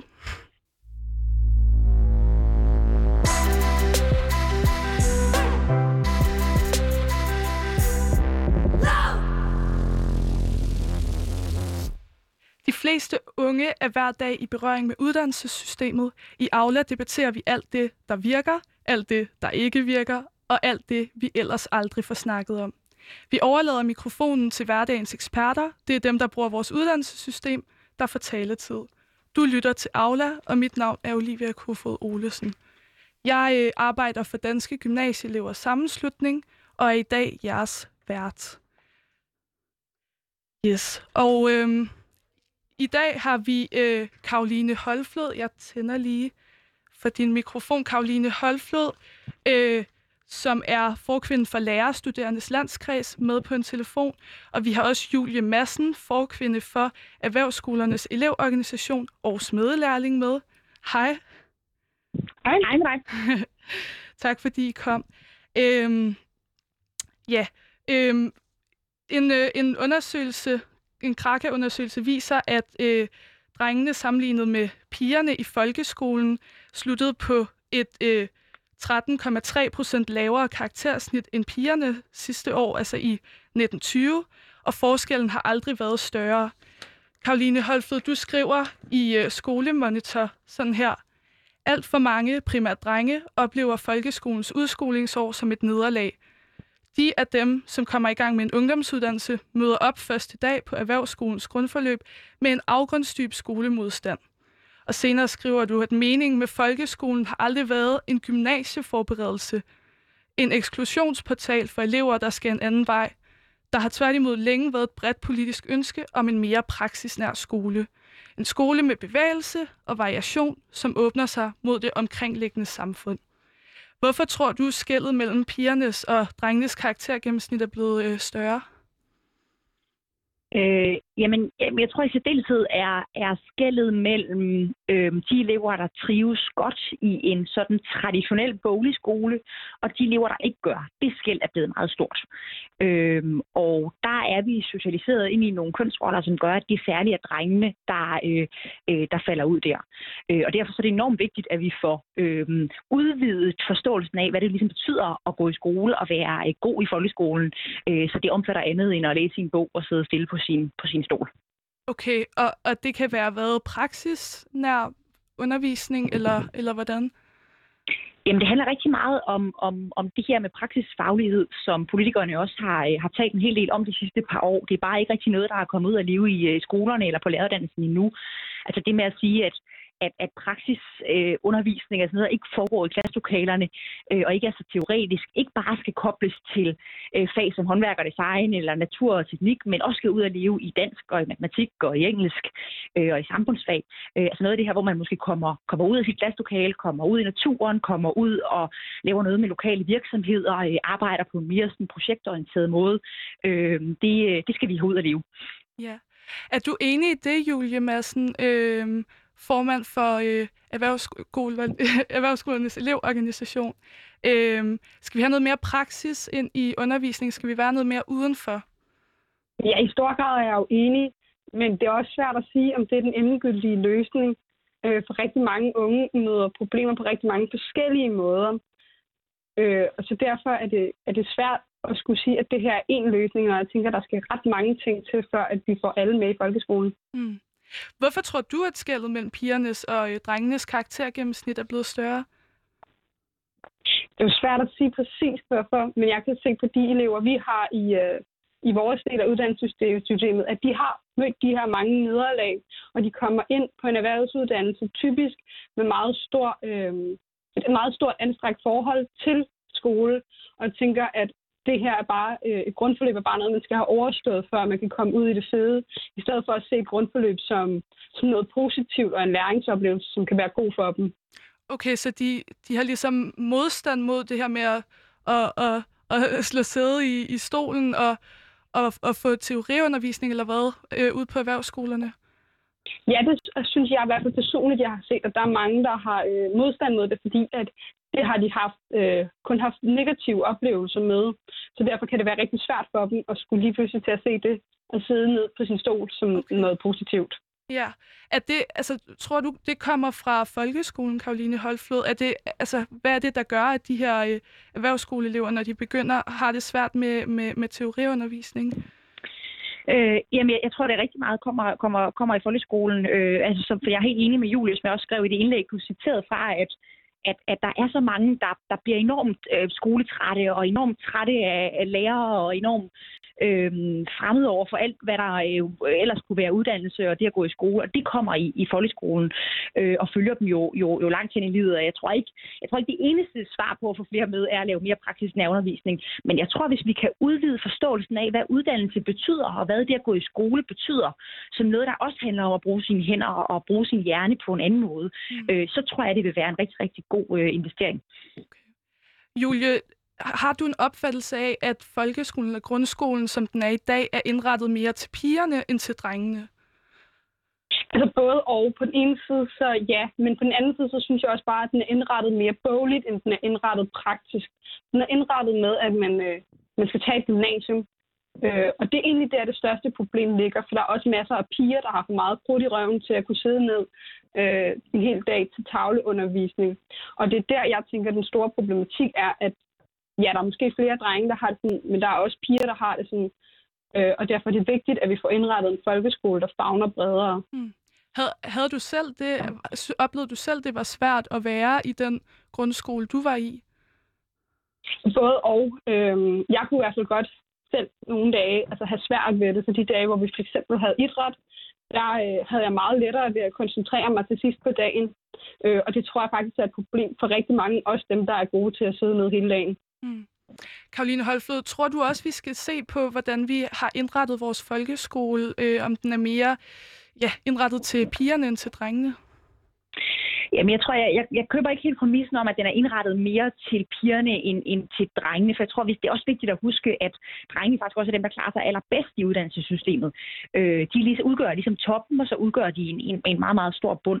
Så det handler mere om, som, som Julie også er inde på, at vi har i hvert fald indrettet folkeskolen til dem, der trives godt med at øh, sidde stille i mange timer, øh, gøre som der bliver, bliver øh, sagt, række hånden op, svare rigtigt på nogle spørgsmål. Og, og det er det blik, jeg tror, vi skal have øh, øh at det er det blik, vi skal have udvidet. Mm. Øh, men det kræver også, at øh, vi dels får klædt lærerne bedre på, at vi har mere forberedelsestid, at vi har nogle mindre klasser, hvor det også bliver nemmere og også differentiere undervisningsmetoderne afhængig af, hvad den, hvad den enkelte elev øh, trives øh, bedst i. Mm. Nu siger du, at drengene også topper øh, eller klarer sig godt i skolen. På hvilke parametre er det, hvor pigerne måske klarer sig mindre godt? Jamen, det er jo noget af det med, øh, hvor sådan måske pligtopfyldende man er. Øh, at vi ser det også øh, øh, øh, videre hen i uddannelsessystemet og i øh, øh på arbejdsmarkedet, at der er mange øh, øhm, øh, der er mange mænd, som hurtigere er gode til at sige, om jeg søger det her job, fordi det kan jeg helt sikkert hvor kvinder har mere en tendens til at sige, når er jeg nu god nok, og lever jeg nu helt præcis op til de her øh, parametre, som der bliver øh, forventet af mig. Øh, og den der idé om, at, at, at mændene måske også øh, ofte er bedre til at være dem, der rækker hurtigt hånden op, selvom de ikke helt ved, om de har øh, øh, svaret endnu, det er noget af det, vi også ser i, øh, i folkeskolen, som, som, som i hvert fald noget, er noget af grunden til, at, at mændene også i dag er bedre til at få løn, er bedre til at få, øh, få pladser i, øh, i bestyrelser, øh, og der halter øh, kvinderne øh, bagud måske, måske særligt fordi, at en sådan faglige selvværd og selvtillid kan, kan godt være lavere end en, en stor gruppe af, af drengene og mændene. Okay, så der er nogle af de her drenge i folkeskolen, som faktisk er vildt dygtige til at tage initiativ og stoler på dem selv og deres mavefornemmelse i forhold til pigerne? Lige præcis. Yeah. Ja, og så er der den store gruppe af drenge, som, som vi taber os med. Så jeg tror også, det er vigtigt ligesom at have fokus på, øh, på den gruppe, fordi øh, det er jo dem, som, som også øh, lever kortere og har, øh, har højere, øh, i højere grad bliver hjemløse, end kvinderne gør, øh, øh, øh i, i mindre grad får en uddannelse end, end, end resten. Så, så jeg tror, det er en rigtig, rigtig vigtig prioritering at holde, holde fokus på, hvem er det lige nu, vi, vi i hvert fald ikke får med i uddannelsessystemet. Og, mm. og der er det altså en gruppe af de svageste drenge, der sådan springer ud. Hvad, hvad tror du, vi skal se på der? Altså nu du selv lærerstuderende. Er der noget, du sådan er særligt opmærksom på i den forbindelse? Jamen, jeg er meget opmærksom på, hvordan vi kan øhm, bryde altså jeg sagde før, altså udvide forståelsen af, hvornår man er god i folkeskolen. Mm. Øhm, fordi det hænger jo også sammen med at udvide forståelsen for, at hvis man er dygtig, at lige nu, som Julie var inde på, så kan, så kan det hurtigt betyde, at hvis man er dygtig, jamen så er man dygtig på en måde, hvor man skal på gymnasiet, og hvor man skal videre på universitetet. Det er ligesom den slags værdi, der bliver, der bliver talt op. Øh, og vil meget gerne have drejet over på at have fokus på, at man, man jo kan være dygtig på rigtig mange forskellige måder. Og folkeskolen skal ikke være en sådan gymnasieforberedelse. Øh, og det betyder også, at det ikke nødvendigvis er det, det akademiske eller det meget sådan teoretiske, vi skal, vi skal prioritere. Det handler mere om det almindelige dannende, om det, om det praktiske. Øh, men det er en stor opgave at skulle til at omlægge en, en 200 år gammel øh, folkeskole på at skulle, skulle tænke skole på en anden måde og skulle tænke øh, øh, lidt mere væk fra klasselokalerne og andre metoder og andre materialer. Og der tror jeg, øh, hvis jeg kan fremhæve én ting, så tror jeg, vi kan lære rigtig meget af nogle af de rigtig dygtige undervisere, der er på erhvervsskolernes grundforløb, som lige præcis formår at rette en undervisning til nogle meget, meget skoletrætte og sådan skolefjendske øh, elever, som har oplevet nogle meget, meget store nederlag øh, med, øh, øh med det etablerede uddannelsessystem, øh, som, som, som de alligevel får, formår i høj grad at få med øh, på, på erhvervsskolerne. Mm. Okay. Øhm, jeg læser lige et, øh, et citat op her. Det er professor Niels Egelund, som står bag øh, en undersøgelse, der hedder Piger og drenge i skolen. Øh, den er ja, den følger 13 kommuner fra 2015 eller fra 2015 til 2020, og han siger om den undersøgelse. Jeg savner, at man anlægger et mere psykobiologisk syn. Det er ikke kun samfundet. Jeg mener, at vi stadig nok må konstatere, at drenge har nogle træk, der er anderledes end piger, som gør, at de har vanskeligere i mødet med skolen. Jeg tror ikke på, at vi kan løse det her ved genuspædagogik, altså kønsneutral pædagogik. Man kan jo bare se på, hvad drenge og piger interesserer sig for, når de har fri leg allerede i børnehaven. Det er forskellige ting, der trigger dem. Hvad, hvad tænker du om det, Julie? Altså, øh, er det simpelthen fordi, at der er noget, der gør, at øh, drenge er mere sådan vilde og vil være udenfor og øh, synes, det er sjovere at bygge ting end, øh, end piger, og at, og at de øh, har nemmere ved at sidde stille? Ja, der ligger jo øh, noget i det, og der er forskel på mænd og kvinder, rent øh, piger og drenge, rent genetisk. Øh, og jeg tror også, at den største fejl, vi kan lave i folkeskolen, er at behandle alle ens. Fordi det er der, vi mister nogen. Fordi alle er ikke ens. Og, og det skal der kunne tages højde for, at, øh, at nogen lærer på en måde, og andre lærer på en anden måde. Øh, så derfor er det jo en problematik.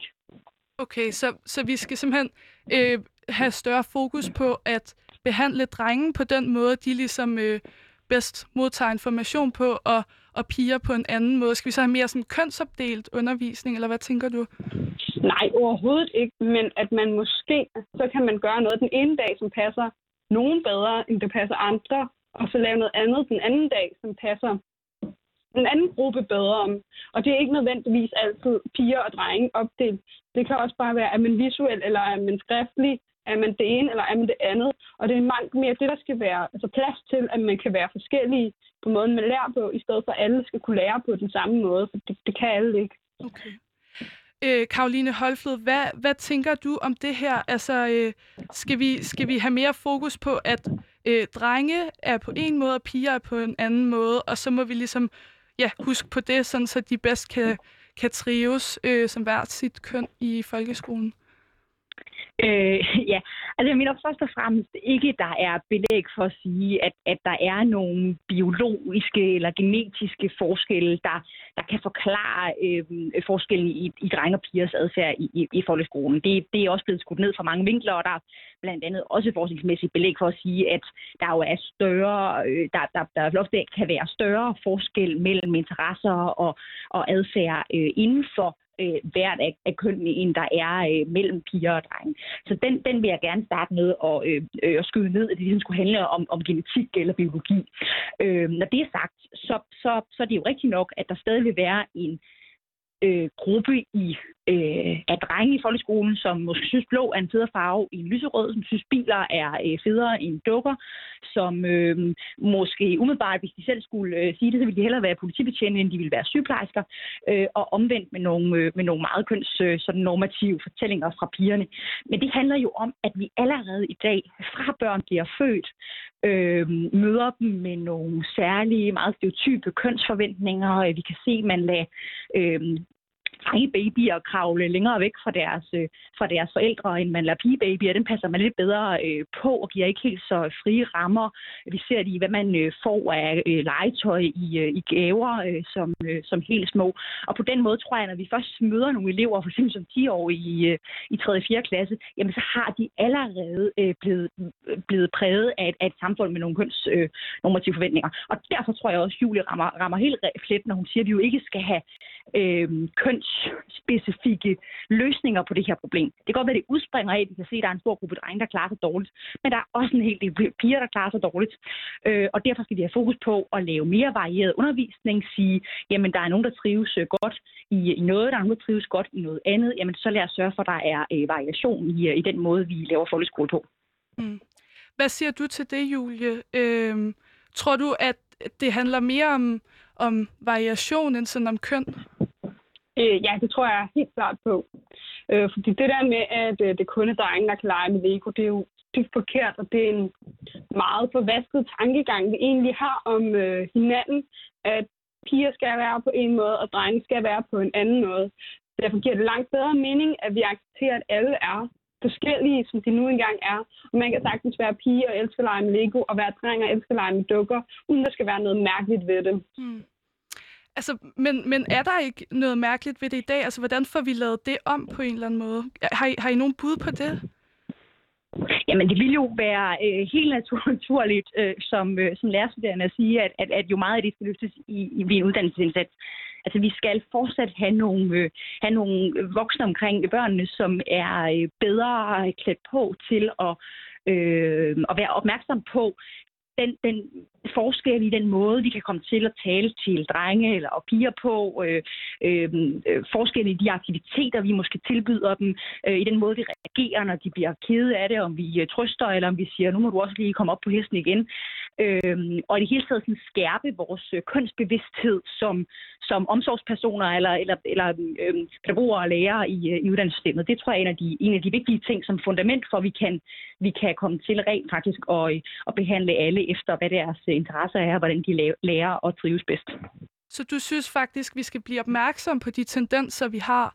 Altså at behandle drenge på en måde og sige, op på hesten igen, og ud med dig og leg, og, og at vi har en tendens til at måske trøste piger med at tage dem op på skødet og så videre, at vi skal blive bevidste om det, så vi kan lade være med at gøre det. Ja, jeg tror, i mange år der har man haft en fortælling om, at man skal behandle kun ens. Mm. Øh, og hvis man gør det, når man så opnår vi ligestilling.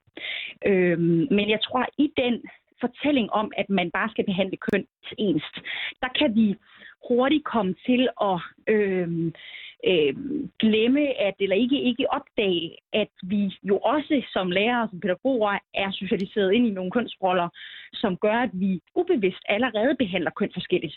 Så derfor så er det vigtigt, at, at vi ligesom først har en bevidsthed og ser, øh, er i stand til at observere os selv og ligesom registrere de mønstre i vores egen øh, adfærd i vores egen øh, pædagogik, øh, før vi kan sige, hvor skal vi så øh, justere. Øh, så på den måde tror jeg, tror jeg, det er meget vigtigt at arbejde med, med det, vi kalder kønsbevidst pædagogik, øh, som, øh, som fundament for at, øh, at komme, komme kønsopdelingen og kønsnormativismen øh, til, til livs. Mm.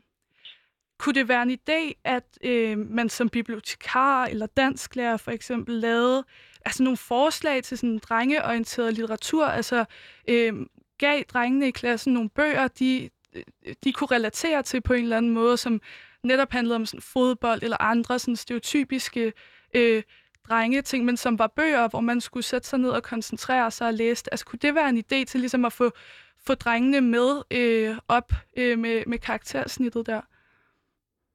Og jeg tror, det her det, det bliver rigtig øh, svært, fordi hvis vi gjorde det, øh, og det gør vi i høj grad, nu skal jeg også være dansk lærer, mm. øh, så taler vi os, så taler vi os jo sådan set igen ind i nogle øh, måske sådan en, en lidt øh, stereotyp øh, fortælling om, hvad drenge interesserer sig for. Men på den anden side, og det, og det er ikke nødvendigvis så godt, hvis vi også gerne vil have, at de kan vide, at de gerne må øh, græde og øh, sidde og syg og blive sygeplejerske og alle mulige andre ting. Men, men på den anden side, så er det måske det, der fastholder deres interesse for læsning. Øh, og, øh, og, det er, og det er virkelig, virkelig vigtigt. Øh, både hvis de skal have høje karakterer, men jo også i hele taget, hvis de skal, øh, hvis de skal, hvis de skal klare sig godt i, øh, i skolen. Øh, fordi det er en rimelig vigtige ting, det der med at kunne, kunne lære at læse at have en interesse for at læse. Øh, så det er der, hvor, hvor, hvor vi som lærer også nogle gange har sådan et lidt professionelt øh, dilemma. Øh, og øh, ja, det synes jeg bare, du, øh, du beskriver meget godt, at det, det kan faktisk være lidt svært. Ja. For hver gang 100 danske unge mænd i alderen 15-24 år vælger en erhvervsfaglig uddannelse, er der tilsvarende kun 62 kvinder, øh, som gør det samme. I vores naboland Sverige er der til sammenligning 76 kvinder på erhvervsuddannelserne for hver 100 mænd. Øhm, jeg har nogle tal her øh, på kønnene øh, mellem, ja, på, på forskellige erhvervsuddannelser. Altså hvis vi kigger på dem, som ligger inden for teknologi, byggeri og transport, øh, så, øh, så har vi ligesom en bestanddel af, af mænd på 29.000, øh, hvor vi har 3.500 kvinder. Og omvendt, hvis vi kigger på erhvervsuddannelserne inden for omsorg, sundhed og pædagogik, har vi lige under 2.000 mænd og øh, 12.000 kvinder. Altså Julie, hvordan tænker du, det kan være, at, at, at, at mænd og kvinder vælger så forskellige erhvervsuddannelser, når de så vælger en erhvervsuddannelse? Det ligger meget i de øh, holdninger og opdragelse og vejledning, som der er i, øh, i skolerne og i livet i det hele taget. Det bliver ligesom øh, ikke altid anset som værende en mulighed, hvis du er kvinde og gerne vil være smed som mig selv. Så det bliver mere opfattet som, nå, okay, du vil være en af dem der. Øh, I stedet for, at det skulle være lige så naturligt. Så jeg tænker ret meget af det, det ligger i, hvordan vi vejleder øh, vores elever. Okay. Altså oplevede du selv sådan fordomme eller særlige forventninger til dig som kvinde? Øh, eller hvordan tog vejlederne imod dig, da du sagde, at du gerne ville være smed? Altså nu øh, tror jeg slet ikke, at jeg blev vejledt overhovedet. Øh, men men altså, generelt set, så var folk meget overrasket over, at jeg ville være smed, og de tænkte ikke umiddelbart, at det var det, der passede til mig, som også værende en øh, pige, der fik høje karakterer i folkeskolen. Derfor var det meget, øh, man blev mødt med, øh, med meget skeptisk over det, men samtidig så var folk også tit ude og sige, at de syntes, det var fedt og sådan noget, men det var, det var altid med det der, men er du sikker på, at det er det rigtige for dig? Mm. Øh, altså, det er nok noget af det, som jeg synes er svært. Mm. Altså, hvad tror du, det har i konsekvenser? Er der nogen, der vælger, vælger det fra at blive smed eller murer eller, øh, eller noget andet VVS'er, fordi der øh, fordi man, man møder det der spørgsmål om, at, er du ikke en kvinde, eller sådan, skal du, er det virkelig noget for dig? Det havde jeg ikke troet. Eller sådan, at begrænser det nogen, tror du? Ja, jeg tror godt, der er mange, der kan blive skræmt væk af det, fordi man har ikke lyst til at være den unormale man vil jo gerne passe ind sammen med sine venner og sådan noget. Derfor kan det være rigtig svært, selvom man måske i virkeligheden gerne vil være VVS'er eller tømmer eller sådan noget, og træffe det her valg, fordi at det kan føles så unormalt i den omverden, man går i, at man godt kan føle sig udenfor. Og det synes jeg er virkelig ærgerligt, at vi har den mm. problematik. Føler du dig selv udenfor, når du er, når du er ude i lære? Altså, er der nogle andre kvinder, som er, som er smede der, hvor du er? Ja, der er faktisk øh, en anden, der også er lærer som smed, der hvor jeg er. Og det har faktisk været rigtig rart, at hun er kommet også. Øh, for det gør faktisk, at jeg føler mig mindre ensom, fordi vi har nogle af de samme problemer. Vi kan ikke, vi kan ikke løfte lige så meget, som mange mændene kan. Og derfor kan man godt nogle gange være lidt uden for rent sådan, fysisk set. Selvom der er hjælpemidler til tingene, så er det sådan lidt, nå, bruger du kranen til det der? Og det er sådan lidt, ja, jeg bruger kranen til det der, ellers så kan jeg ikke løfte den. Og på den måde, så det er rigtig rart at være, øh, have en anden kvindelig smed der, hvor jeg er, fordi så føler jeg mig ikke helt så ensom på arbejdspladsen. Mm. Hvordan tror du, vi får flere kvinder til at vælge at blive smed eller, eller elektriker øh, eller noget andet? Jeg tænker, at, øh, at det er med at fjerne de her ensomme, ensomheden i høj grad. Øh, og det tænker jeg meget handler om både, at der er nogen øh, på sin egen alder, der hvor man er i lærer, kan være rigtig godt, men også, at der er nogen, som, øh, som minder om en selv. Nu nævner du for eksempel elektriker, der ved jeg faktisk, at det er de fag, hvor der kommer flere og flere kvinder til. Og der kan man ligesom se effekten af, hvis der er en kvinde, så, tit, så er der en anden kvinde, som tænker, det her kan jeg også. Mm. Øh, og på den måde, så er det jo ligesom sådan øh, en cirkel, at hvis der kommer flere kvinder ind i de her fag her, så bliver der ved med at komme flere kvinder ind i det. Men hvis man ser, at der ikke er flere kvinder, der tager den her, det her træffer det her valg her, så kommer der heller ikke flere. Mm. Øh, så derfor synes jeg også, at de her... Øh, vi i EU, vi har jo det her rollemodelsprojekt, hvor vi ligesom kommer ud og fortæller eleverne, og der er også rigtig mange piger, som er øh, enten tømmer eller elektriker eller anden håndværkerfag, som kommer ud og fortæller det til klassen. Og der øh, kan vi bare se, at for rigtig mange af de folkeskoleelever, der så sidder der, så er det øh, rigtig rart for dem at se nogen, der er ligesom en selv øh, har truffet det valg, man måske sidder og overvejer. Okay. Så du tror, der er brug for noget repræsentation eller nogle forbilleder, eller som I kalder det i øh, Erhvervsskolernes elevorganisation, rollemodeller, som faktisk kommer ud og fortæller om, øh, jamen jeg er smed, og det er skide fedt, og så er det tilfældigvis en kvinde? Ja, det tror jeg i høj grad mangler. Altså det der med, at øh, og også at de kommer ud bare som erhvervsuddannelseselev, øh, og ikke som kvindelig smed. Øh, fordi når man kommer ud og siger meget tydeligt, at man er kvindelig, og man er smed, så kommer der rigtig meget fokus på, at man er kvinde, og man er smed. Øh, og det synes jeg, det fokus bør slet ikke være at ligge der så tydeligt. Det bør være, øh, altså hvis vi skal snakke om det for ikke man kan godt føle sig lidt udenfor, hvis man hele tiden bliver puttet i kategori, når du hende der den anden type smed, og ikke den normale type smed. Mm. Øhm, så det kan være rigtig godt det der med, at man at det bare bliver mere lige så naturligt at være kvindelig smed, som det er at være mandlig smed. Mm. Karoline Holflod, hvorfor, hvorfor tror du dig, hvorfor tror du, vi vælger så forskelligt, øh, mænd og kvinder? Hvorfor tror du, at, at mændene i så høj grad vælger at blive elektrikere, og kvinderne i så høj grad vælger at blive tandklinikassistenter? Jamen, jeg tror, øh, først og fremmest, så, så er problemet, at jo for få vælger erhvervsuddannelserne, både, både mænd og kvinder. Mm. Øh, og jeg tror, øh, meget af grunden til, at de gør det, er jo det samme grund, som Julie, Julie fortæller om, hvorfor der er mange kvinder, der ikke vælger det. Altså det er det her med at stå alene, at det ikke virker helt øh, øh godt nok, øh, at det ikke, der ikke er så meget prestige. Øh, Dansk Erhverv, eller undskyld, Dansk Metal lavede for nylig en, øh, en undersøgelse af, hvor få der, der, der synes, at erhvervsuddannelser var den mest prestigefulde ungdomsuddannelse. Jeg tror, det var 2 eller 3 procent. Øh, øh, og man kan sige, det, det, det, det tror jeg er et meget godt billede på, øh, hvilken øh, fortælling om erhvervsuddannelser der er i, øh, på, på mange folkeskoler og, og mange steder i, øh, i landet. Øh, så, så jeg tror, det er der, der, ligesom, det er der vi hovedsageligt skal have, have ændret det noget. Mm. Øh, så tror jeg, i forhold til det med og, og de kønsspecifikke uddannelsesvalg, dem ser vi jo så også, når vi skal have mænd til at træde ind i omsorgsfag, for eksempel. Der er jo heller ikke ret mange mænd, der, øh, der starter på, på en erhvervsuddannelse som, øh, som socioassistent, for eksempel social- og sundhedsassistent. Øhm, og, og, og der er vi igen det samme med, at, at, at den der fortælling om, at drenge, de er sådan nogen, der, øh, øh, der godt kan blive beskidte og kan tage fat, og øh, der ligesom er en værdisætning af, at de interesserer sig for, øh, og en rigtig dreng, hvis de, eller en rigtig mand, hvis de interesserer sig for, for, for håndværksfag eller sådan noget, mens, øh, mens pigerne, der bliver det i højere grad værdisat øh, at, man skal, øh, at man skal være omsorgspersoner. Det tror jeg er vigtigt.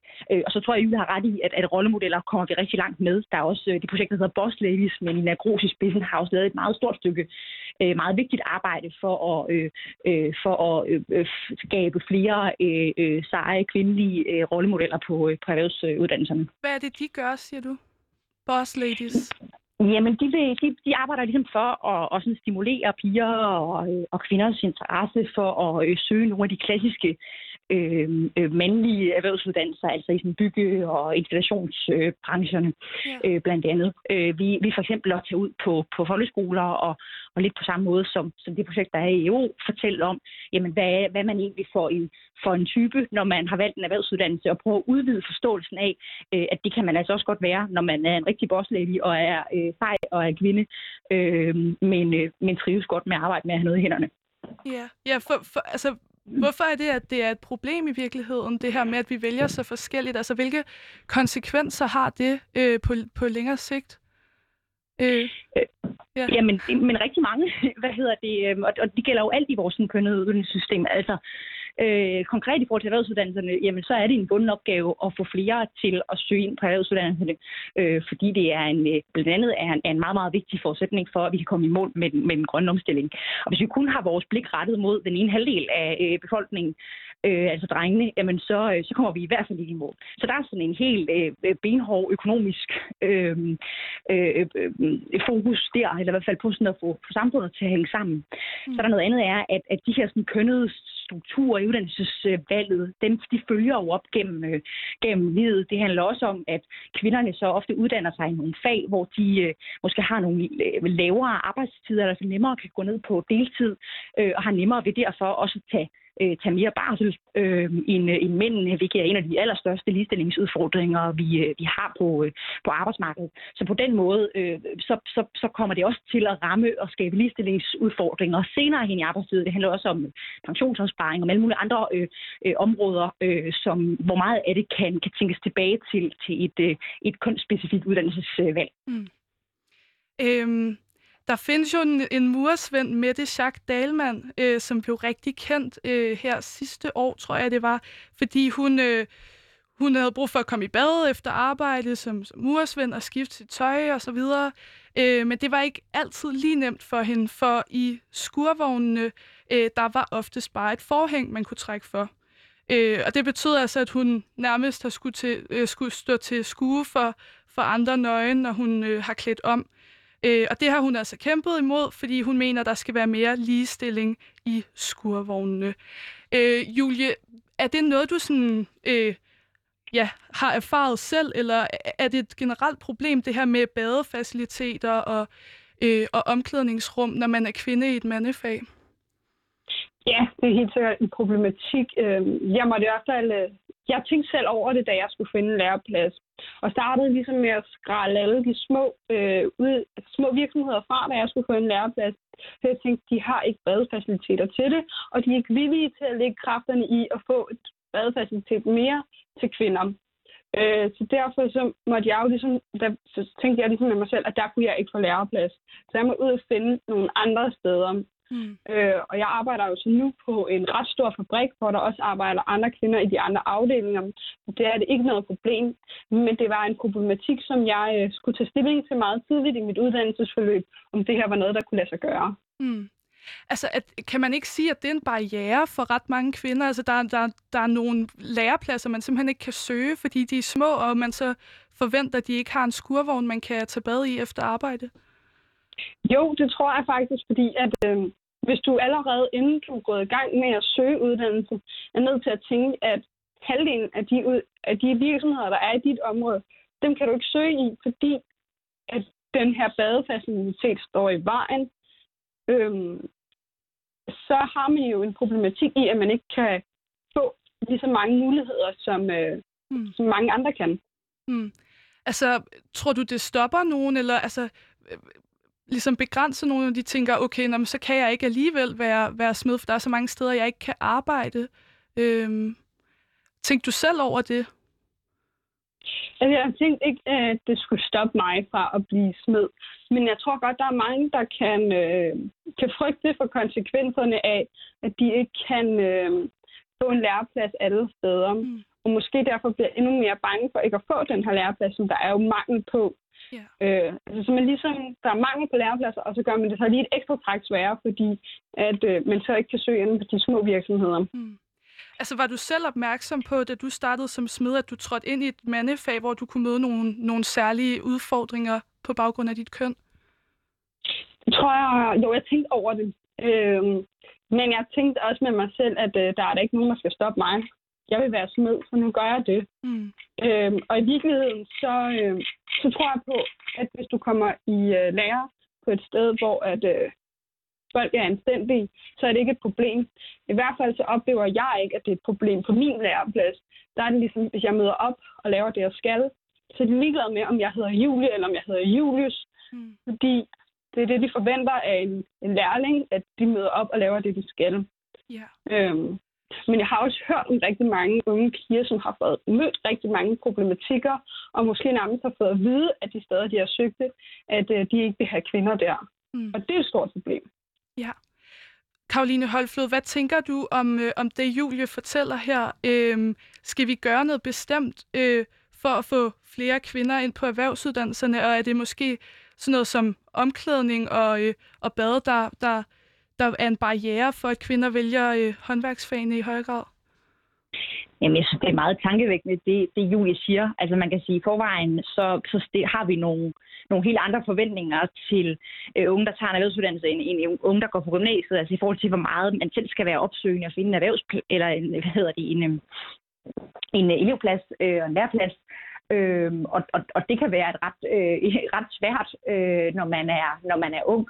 Øhm, hvis man så forvejen også skal til at tage højde for, at det skal være et sted, hvor man kan gå i bad, og hvor man ikke er den eneste kvinde og sådan noget, så, øh, så synes jeg, det er, det er noget af en, en opgave, man, man måske også nogle gange står lidt alene med. Mm. Jeg tror, udover det, Julia har nævnt, som, som er jo nogle af de der sådan lidt, lidt synlige ting, som vi også øh, og Mette Schack satte et rigtig godt fokus på det også, jamen så, så synes jeg jo også, det er rigtig dejligt, at, at noget af sådan den, den, den seneste øh, MeToo og sådan sexisme-debat jo også er trukket lidt ind på, på nogle af byggepladserne og industriarbejdspladserne. Øh, Fordi der er jo også ofte en, en, en særlig måde, man, man kommer til at tale om og til kvinder, som, som, som desværre lever i bedste øh, velgående ude på nogle, på nogle arbejdspladser.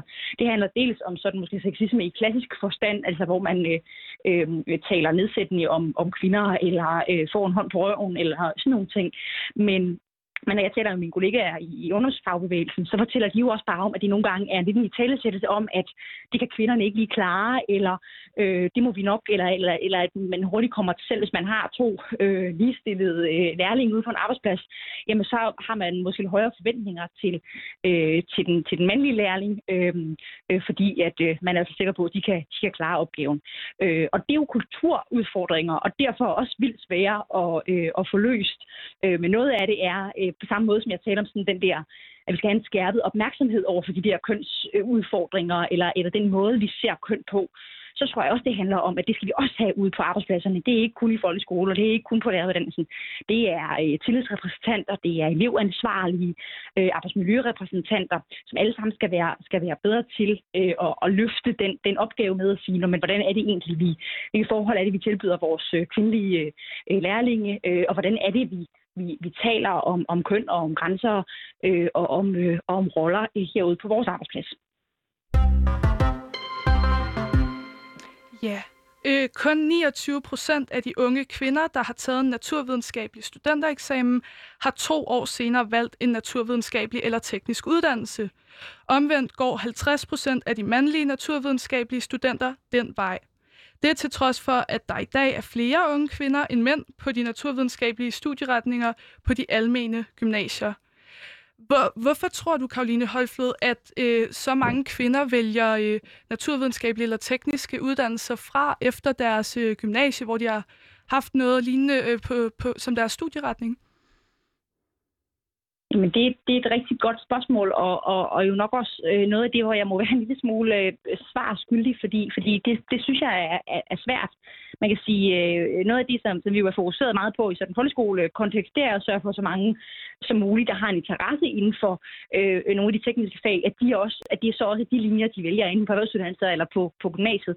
Og når det så stadig går galt derfra, øh, jamen, jamen så, så er det måske også bare i, i, i allerhøjeste grad et, et spørgsmål om, eller en, et tegn på, at, at vi virkelig har et problem her. Mm. Øh, så noget af det kan handle om, at der er nogle, nogle kvinder, som ser øh, som måske godt kan se, at de kan have en interesse i det her med øh, og, øh, øh, at gå ind for nogle af de sådan, tekniske øh, eller, eller naturfaglige øh, øh, discipliner eller fagligheder.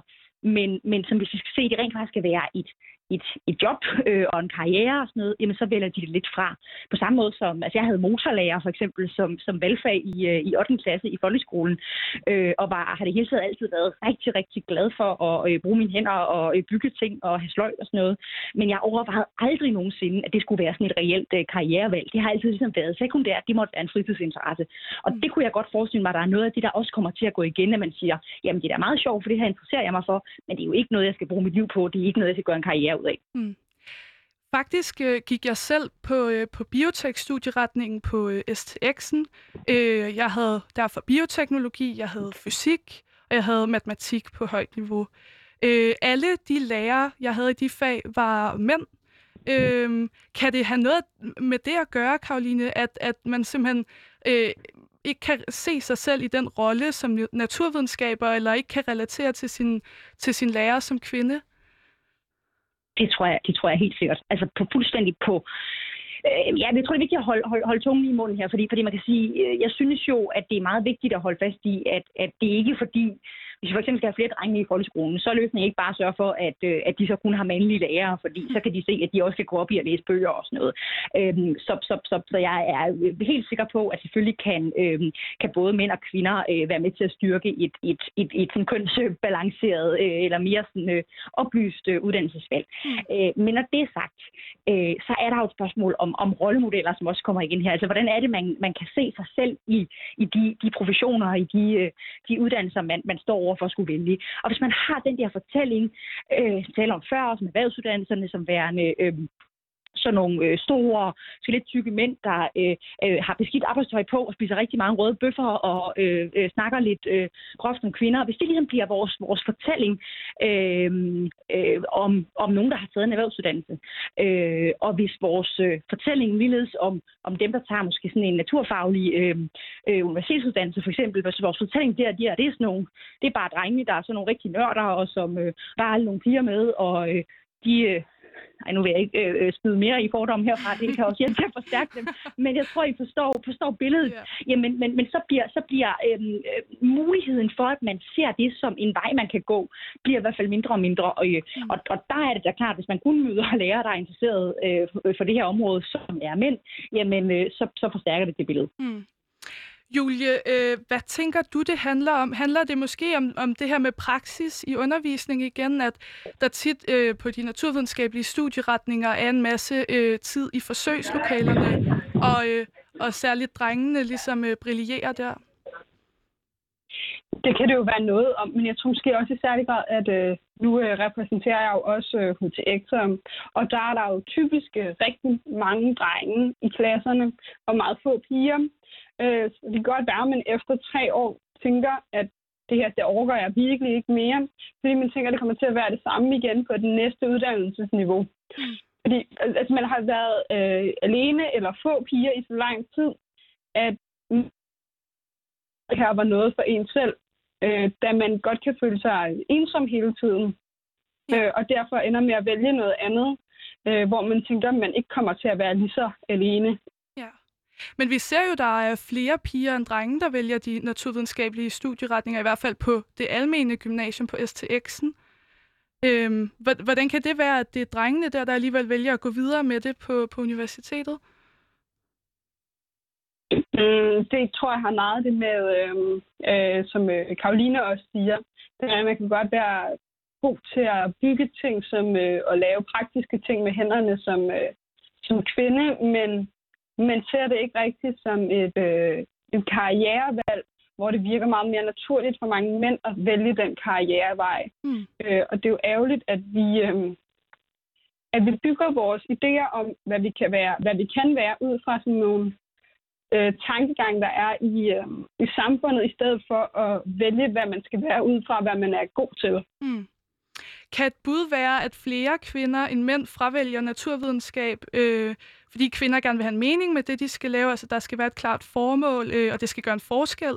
Altså, øh, hvor drenge måske er mere til tørre beregninger, mekanik, halløj, øh, og, og ja, det ved jeg ikke, at at de tørre beregninger for eksempel kan bruges til at sikre den rette medicinske behandling af, af kraftpatienter, at man skal sætte fokus på det for ligesom at, at få kvinderne med under øh, den naturvidenskabelige undervisning eller i matematiktimen, Karoline Højflod?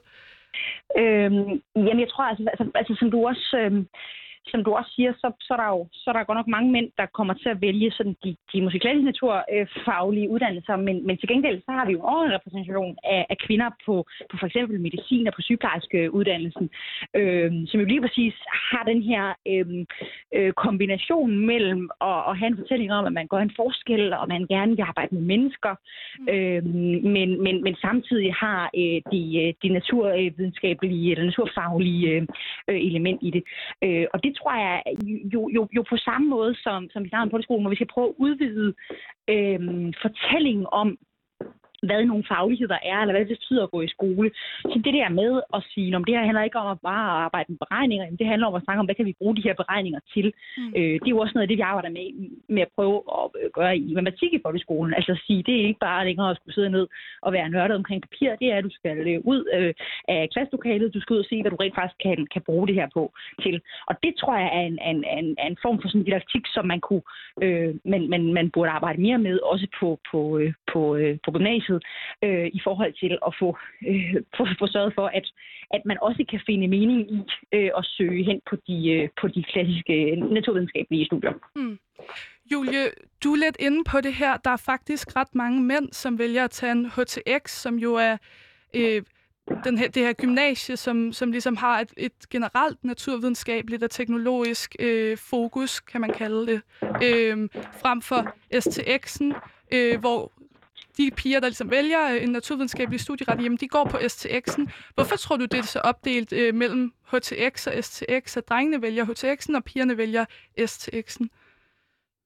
Det er måske, fordi vi har sådan en klassisk forventning om, at, øh, at piger de skal vælge en, øh, en STX øh, efterhånden. Og så er det blevet mere en øh, forventning, at øh, drenge de skal vælge noget med lidt mere hands-on og lidt mere praktisk, mm. og derfor så vælger de øh, en HTX, ja. øhm, og hvor pigerne de har ligesom den her forventning om, at de skal være mere boglige og sidde stille, og så vælger de en STX.